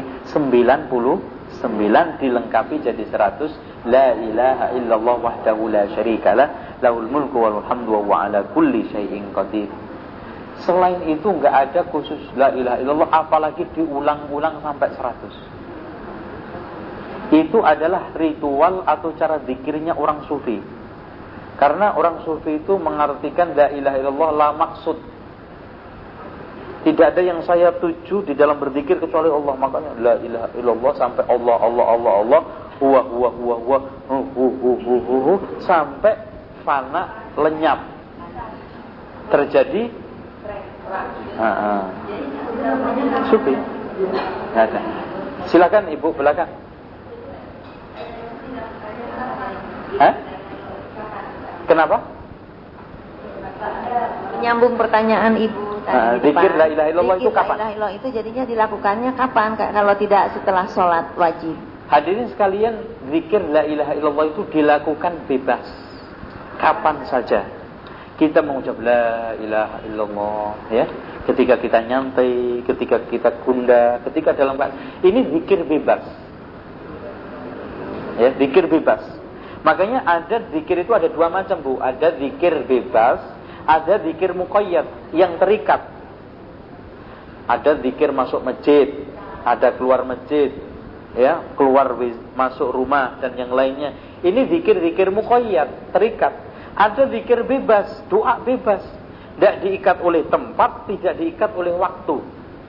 Termasuk la ilaha illallah. Maka siapa sekarang yang mengikat dikir bebas butuh dalil dan tidak ada dalil. Kalau tidak ada dalil nggak bisa kita amalkan. Kita biarkan mut, mutlak. Gitu ya. Gini Pak Ustadz. Insya, insya Allah saya pernah baca hadis sebaik-baiknya doa adalah setelah sholat fardu. Hmm. Itu gimana hadisnya Ustadz? Ya doa yang dimaksud adalah zikir yang diajarkan oleh Rasulullah SAW itu kan mengandung doa di antaranya Allahumma la mani'a lima a'taita wa la mu'tiya lima mana'ta wa la yanfa'u dzal jaddi minkal jadd La ilaha illallah wahdahu la syarikalah itu juga doa, semuanya doa. Doa itu ada dua, Bu ya. Ada doa memuji, doa ul ibadah, ada doa ul masalah. Doa ul ibadah itu artinya unsurnya murni ibadah, ada doa doa ul masalah unsurnya permintaan.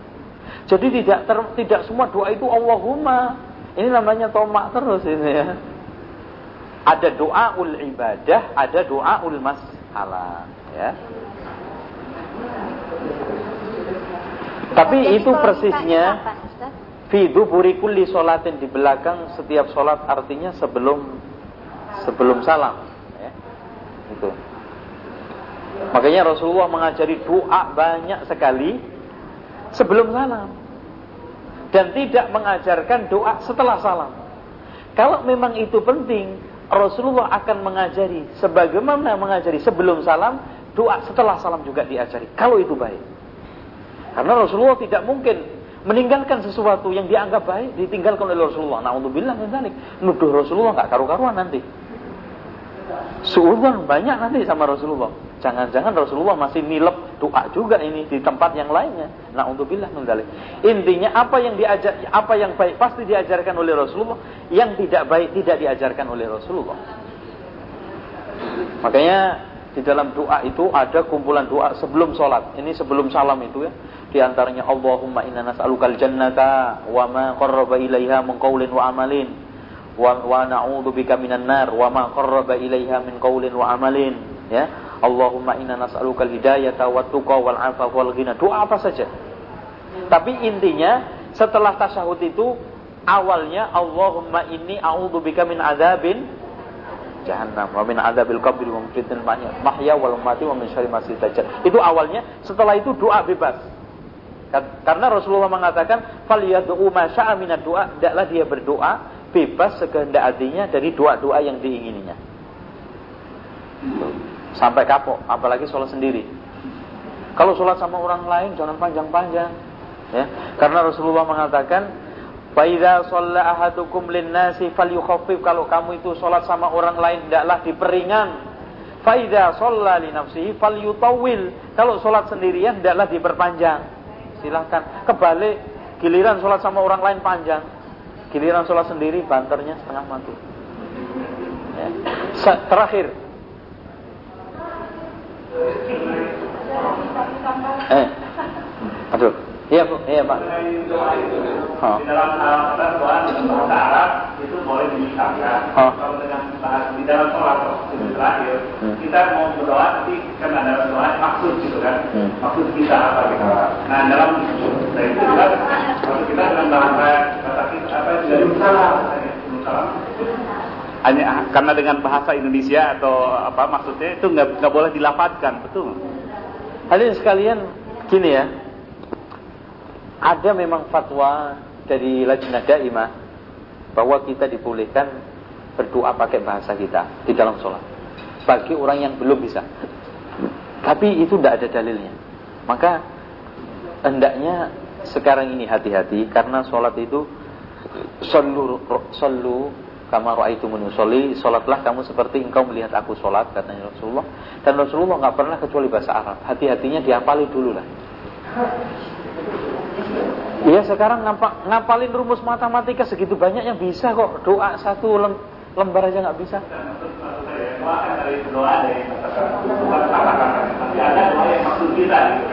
Nggak apa-apa asalkan di sini tidak ada unsur mubalaghah, tidak ada unsur berlebihan. Makanya demi selamatnya tidak ada unsur ta'addi, ya, melampaui batas di dalam berdoa sehingga aneh-aneh lafaz yang diminta nanti, pakailah doa Rasul gitu loh. Soalnya kita nanti kalau ngarang-ngarang sendiri berlebihan, melampaui batas sehingga kerepotan ya Allah, ya.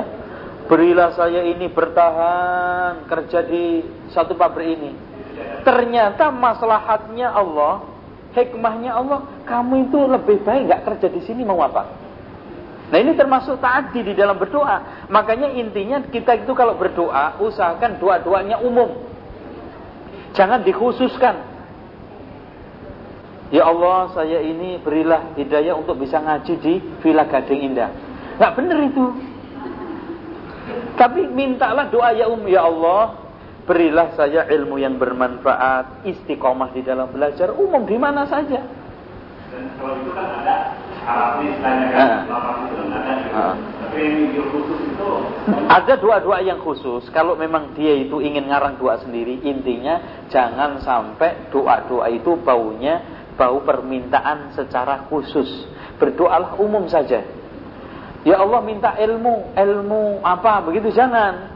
Jadilah minta ilmu yang bermanfaat, itu aja. Wah ya Allah saya minta ilmu fikih. Ya kalau nanti dikasih paham ilmu yang lainnya mau apa? Nah, itu. Itu ya. Demikian. Ibu ada tanya apa, Bu?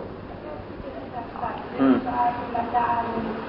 Kita membaca Al-Quran pembukaan pertama. Apakah harus setiap bacaan apa? Sekali saja kita baca tahu kita Terus nanti kita baca ayat lain. Eh, di lain waktu namanya ada ayat yang kita paham lain. Kita harus baca juga apakah sesuai dengan Bismillah Ibu sekalian bacaan di dalam sholat itu Al-Fatihah sekali. Surat itu bisa satu surat, bisa dua surat, bisa banyak surat, bisa separuh surat, bisa seperempat surat. Kalau Al-Baqarah seperempat sudah kelenger. Gitu kan? Ya. Ah, tidak. A'udzubillah itu dibaca ketika mengawali. Kalau sekarang kita ngaji, tiap ayat baca a'udzubillahi minasyaitonirrajim enggak ada dalilnya itu. Atau tiap baca ayat bismillahirrahmanirrahim enggak ada dalilnya. Jadi ketika mengawali. Dia. Setelahnya itu enggak ada. Makanya ketika di sholat itu yang disunahkan membaca a'udzubillah itu di awal saja. Re- Rekaat kedua, ketiga, keempat nggak nggak boleh. Ya nggak boleh. Demikian, insya Allah lebih puasnya lagi pada pertemuan yang akan datang pada jadwal yang ini karena ganti. Yang namanya pengganti biasanya kurang pas. gitu ya. Waktunya juga nggak pas. Ya. Demikian subhanallah hamdika asyhadu an la ilaha illa anta astaghfiruka wa atubu ilaik. Wassalamualaikum warahmatullahi wabarakatuh.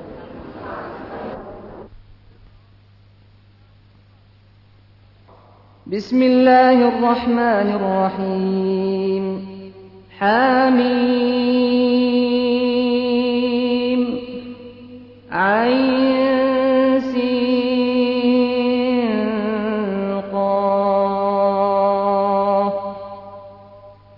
كذلك يوحي إليك وإلى الذين من قبلك الله العزيز الحكيم. له ما في السماوات وما في الأرض وهو العلي العظيم. تكاد السماوات يتفطرن من فوقهن. والملائكة يسبحون بحمد ربهم ويستغفرون لمن في الأرض. ألا إن الله هو الغفور الرحيم. والذين اتخذوا من دونه أولياء الله حفيظ عليهم. وما أنت عليهم بوكيل. وكذلك أوحينا إليك قرآنا عربيا لتنذر أم القرى ومن حولها وتنذر يوم الجمع لا ريب فيه. فريق في الجنة وفريق في السعير.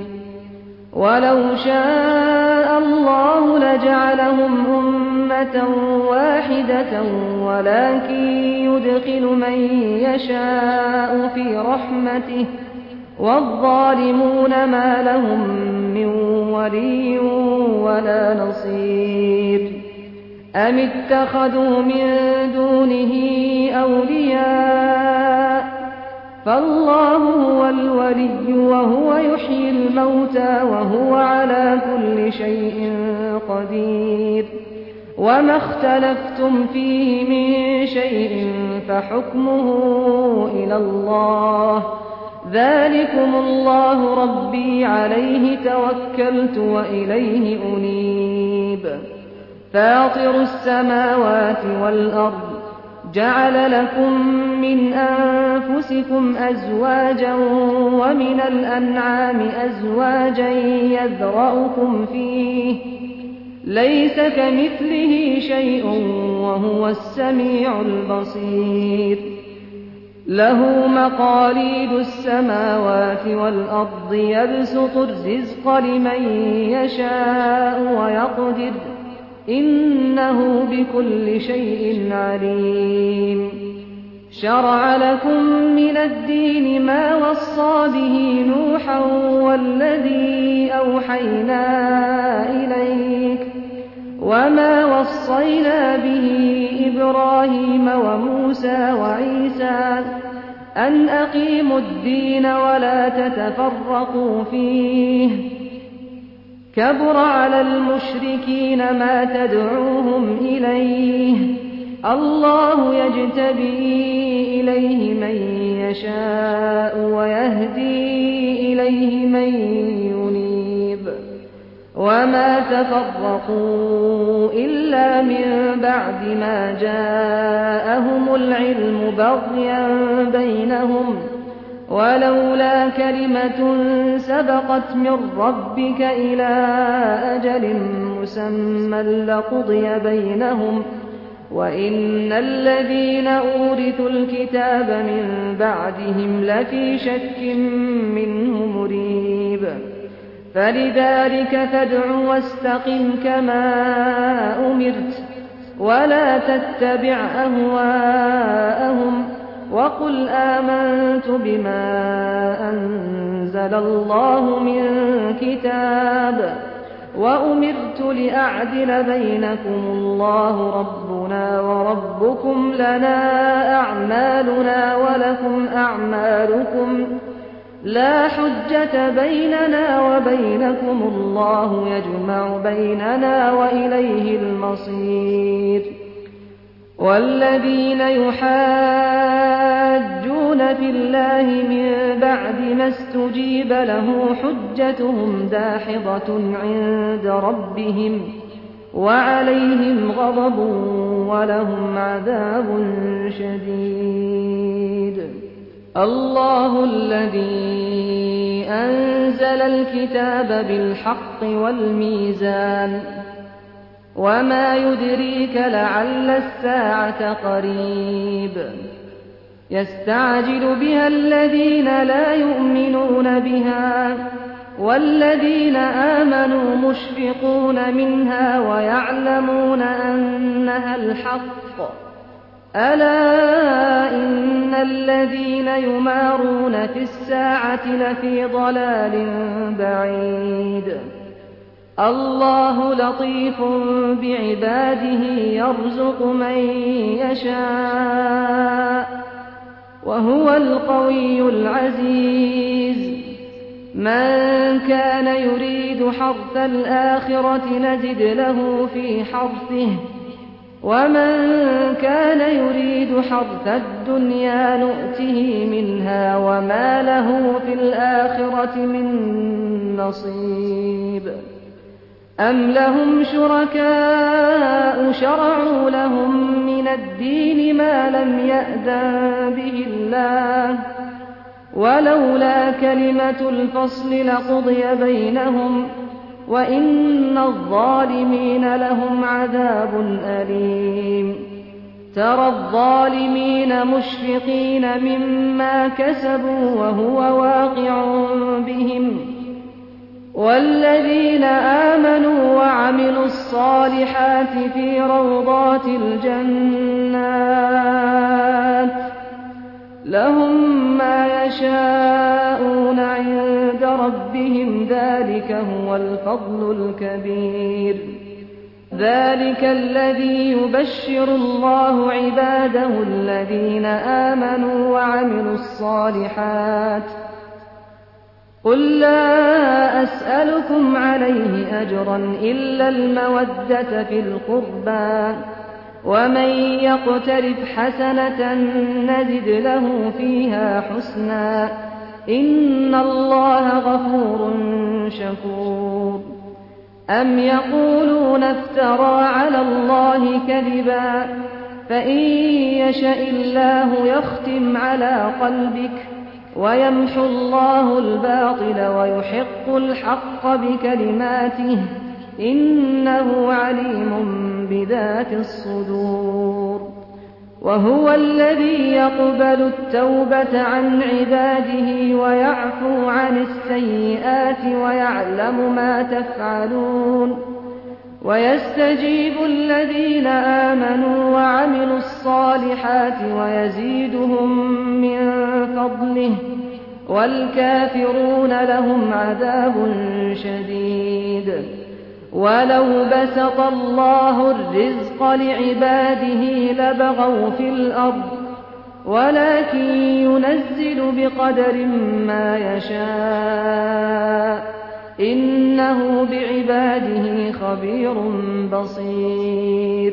وهو الذي ينزل الغيث من بعد ما قنطوا وينشر رحمته. وهو الولي الحميد. ومن آياته خلق السماوات والأرض وما بث فيهما من دابة.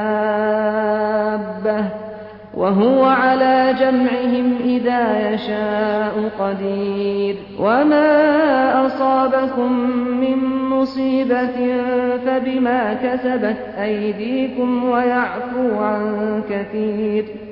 وما أنتم بمعجزين في الأرض وما لكم من دون الله من ولي ولا نصير. ومن آياته الجوار في البحر كالأعلام. إن يشأ يسكن الريح فيظللن رواكد على ظهره. إن في ذلك لآيات لكل صبار شكور. أو يوبقهن بما كسبوا ويعفو عن كثير. ويعلم الذين يجادلون في آياتنا ما لهم من محيص فما أوتيتم من شيء فمتاع الحياة الدنيا وما عند الله خير وأبقى للذين آمنوا وعلى ربهم يتوكلون والذين يجتنبون كبائر الإثم والفواحش وإذا ما غضبوا هم يغفرون والذين استجابوا لربهم وأقاموا الصلاة وأمرهم شورى بينهم ومما رزقناهم ينفقون والذين إذا أصابهم البغي هم ينتصرون. وجزاء سيئة سيئة مثلها فمن عفا وأصلح فأجره على الله إنه لا يحب الظالمين. ولمن انتصر بعد ظلمه فأولئك ما عليهم من سبيل. إنما السبيل على الذين يظلمون الناس ويبغون في الأرض بغير الحق. أولئك لهم عذاب أليم. ولمن صبر وغفر إن ذلك لمن عزم الأمور. ومن يضلل الله فما له من ولي من بعده. وترى الظالمين لما رأوا العذاب يقولون هل إلى مرد من سبيل.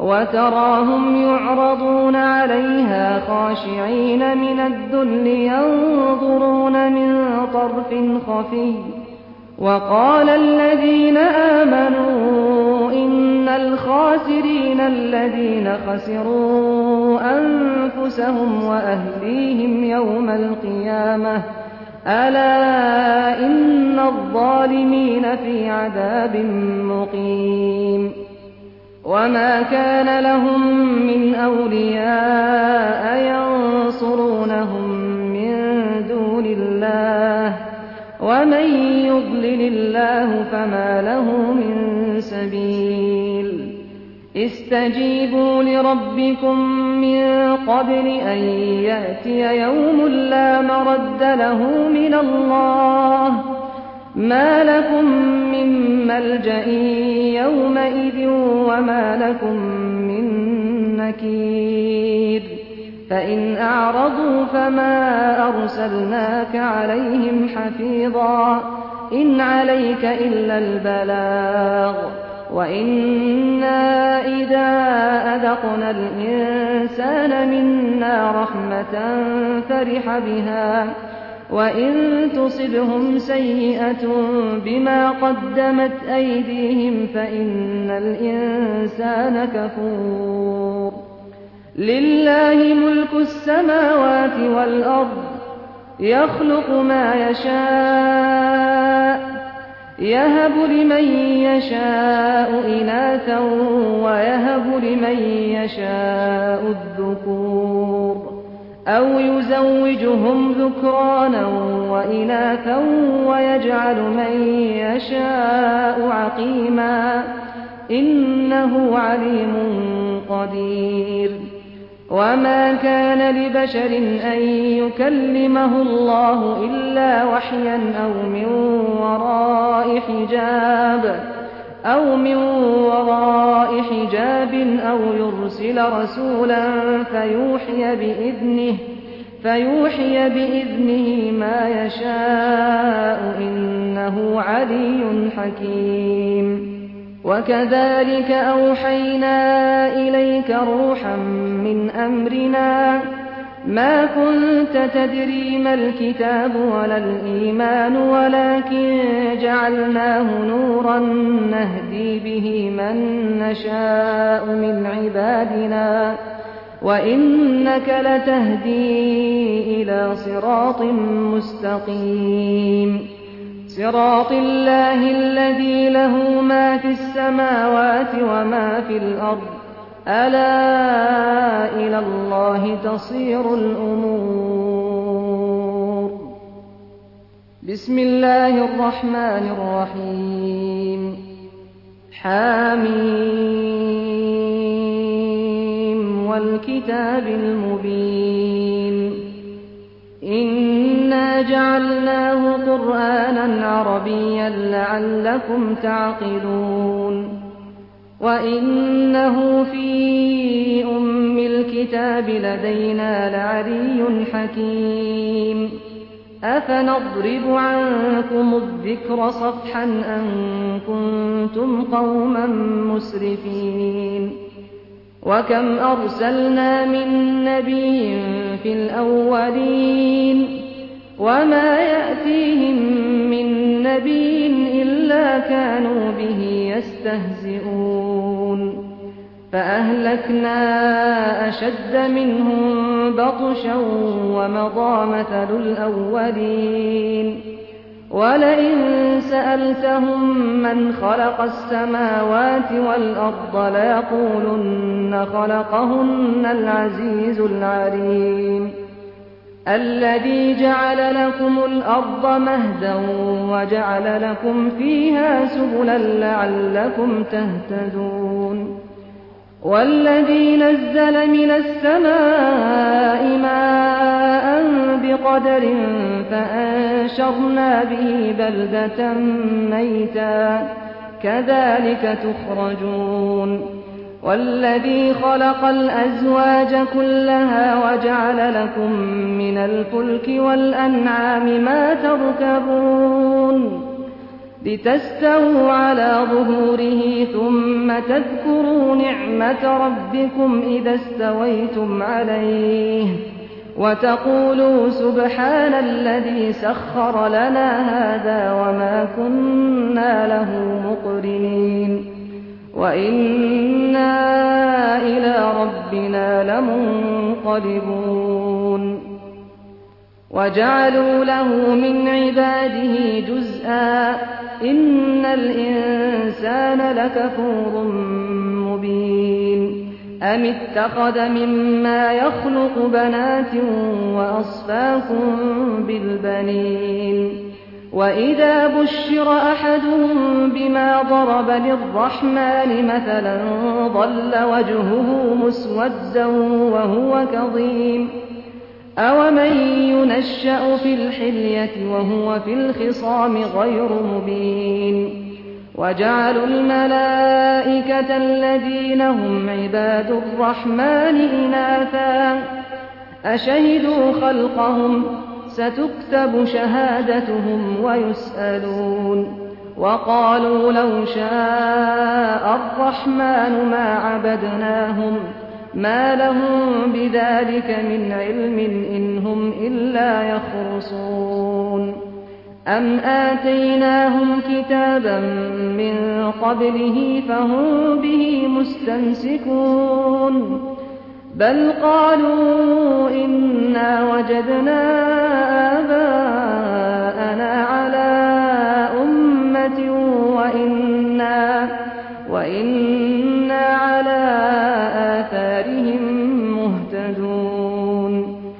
وكذلك ما أرسلنا من قبلك في قرية من نذير إلا من نذير إلا قال مترفوها إنا وجدنا آباءنا على أمة وإنا, وإنا على آثارهم مقتدون قال أولو جئتكم بأهدى مما وجدتم عليه آباءكم قالوا إنا بما أرسلتم به كافرون فانتقمنا منهم فانظر كيف كان عاقبة المكذبين وإذ قال إبراهيم لأبيه وقومه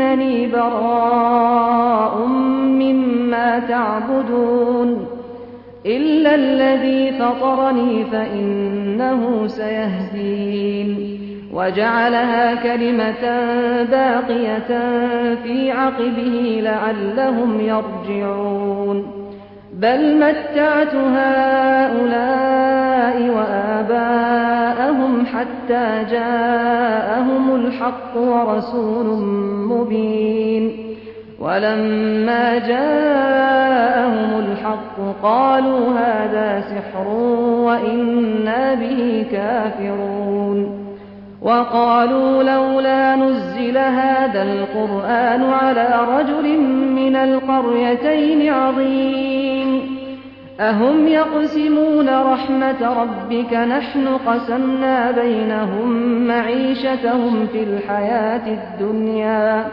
ورفعنا بعضهم فوق بعض درجات ليتخذ بعضهم بعضا سخريا ورحمة ربك خير مما يجمعون ولولا أن يكون الناس أمة واحدة لجعلنا لمن يكفر بالرحمن لبيوتهم لجعلنا لمن يكفر بالرحمن لبيوتهم سقفا من فضة ومعارج عليها يظهرون ولبيوتهم أبوابا وسررا عليها يتكئون وزخرفا.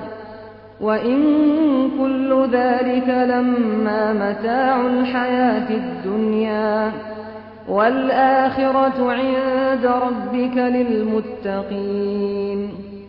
ومن يعش عن ذكر الرحمن نقيض له شيطانا فهو له قرين. وإنهم ليصدونهم عن السبيل ويحسبون أنهم مهتدون. حتى إذا جاءنا قال يا ليت بيني وبينك بعد المشرقين فبئس القرين ولن ينفعكم اليوم إذ ظلمتم أنكم في العذاب مشتركون. أفأنت تسمع الصم أو تهدي العمي ومن كان في ضلال مبين؟ فإما نذهبن بك فإنا منهم منتقمون أو نرينك الذي وعدناهم فإنا عليهم مقتدرون فاستمسك بالذي أوحي إليك إنك على صراط مستقيم وإنه لذكر لك ولقومك وسوف تسألون واسأل من أرسلنا من قبلك من رسلنا أجعلنا من دون الرحمن آلهة أجعلنا من دون الرحمن آلهة يعبدون ولقد أرسلنا موسى بآياتنا إلى فرعون وملئه فقال فقال إني رسول رب العالمين. فلما جاءهم بآياتنا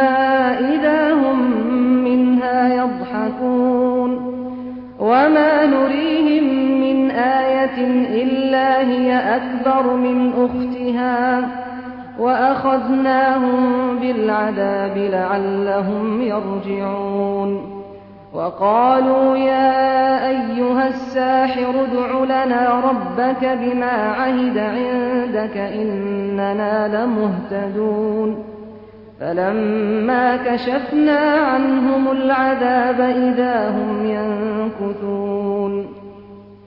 ونادى فرعون في قومه قال يا قوم أليس لي ملك مصر وهذه الأنهار وهذه الأنهار تجري من تحتي أفلا تبصرون أم أنا خير من هذا الذي هو مهين ولا يكاد يبين فلولا ألقي عليه أسورة من ذهب أو جاء معه الملائكة مقترنين فاستخف قومه فأطاعوه إنهم كانوا قوما فاسقين فلما آسفونا انتقمنا منهم فأغرقناهم أجمعين فجعلناهم سلفا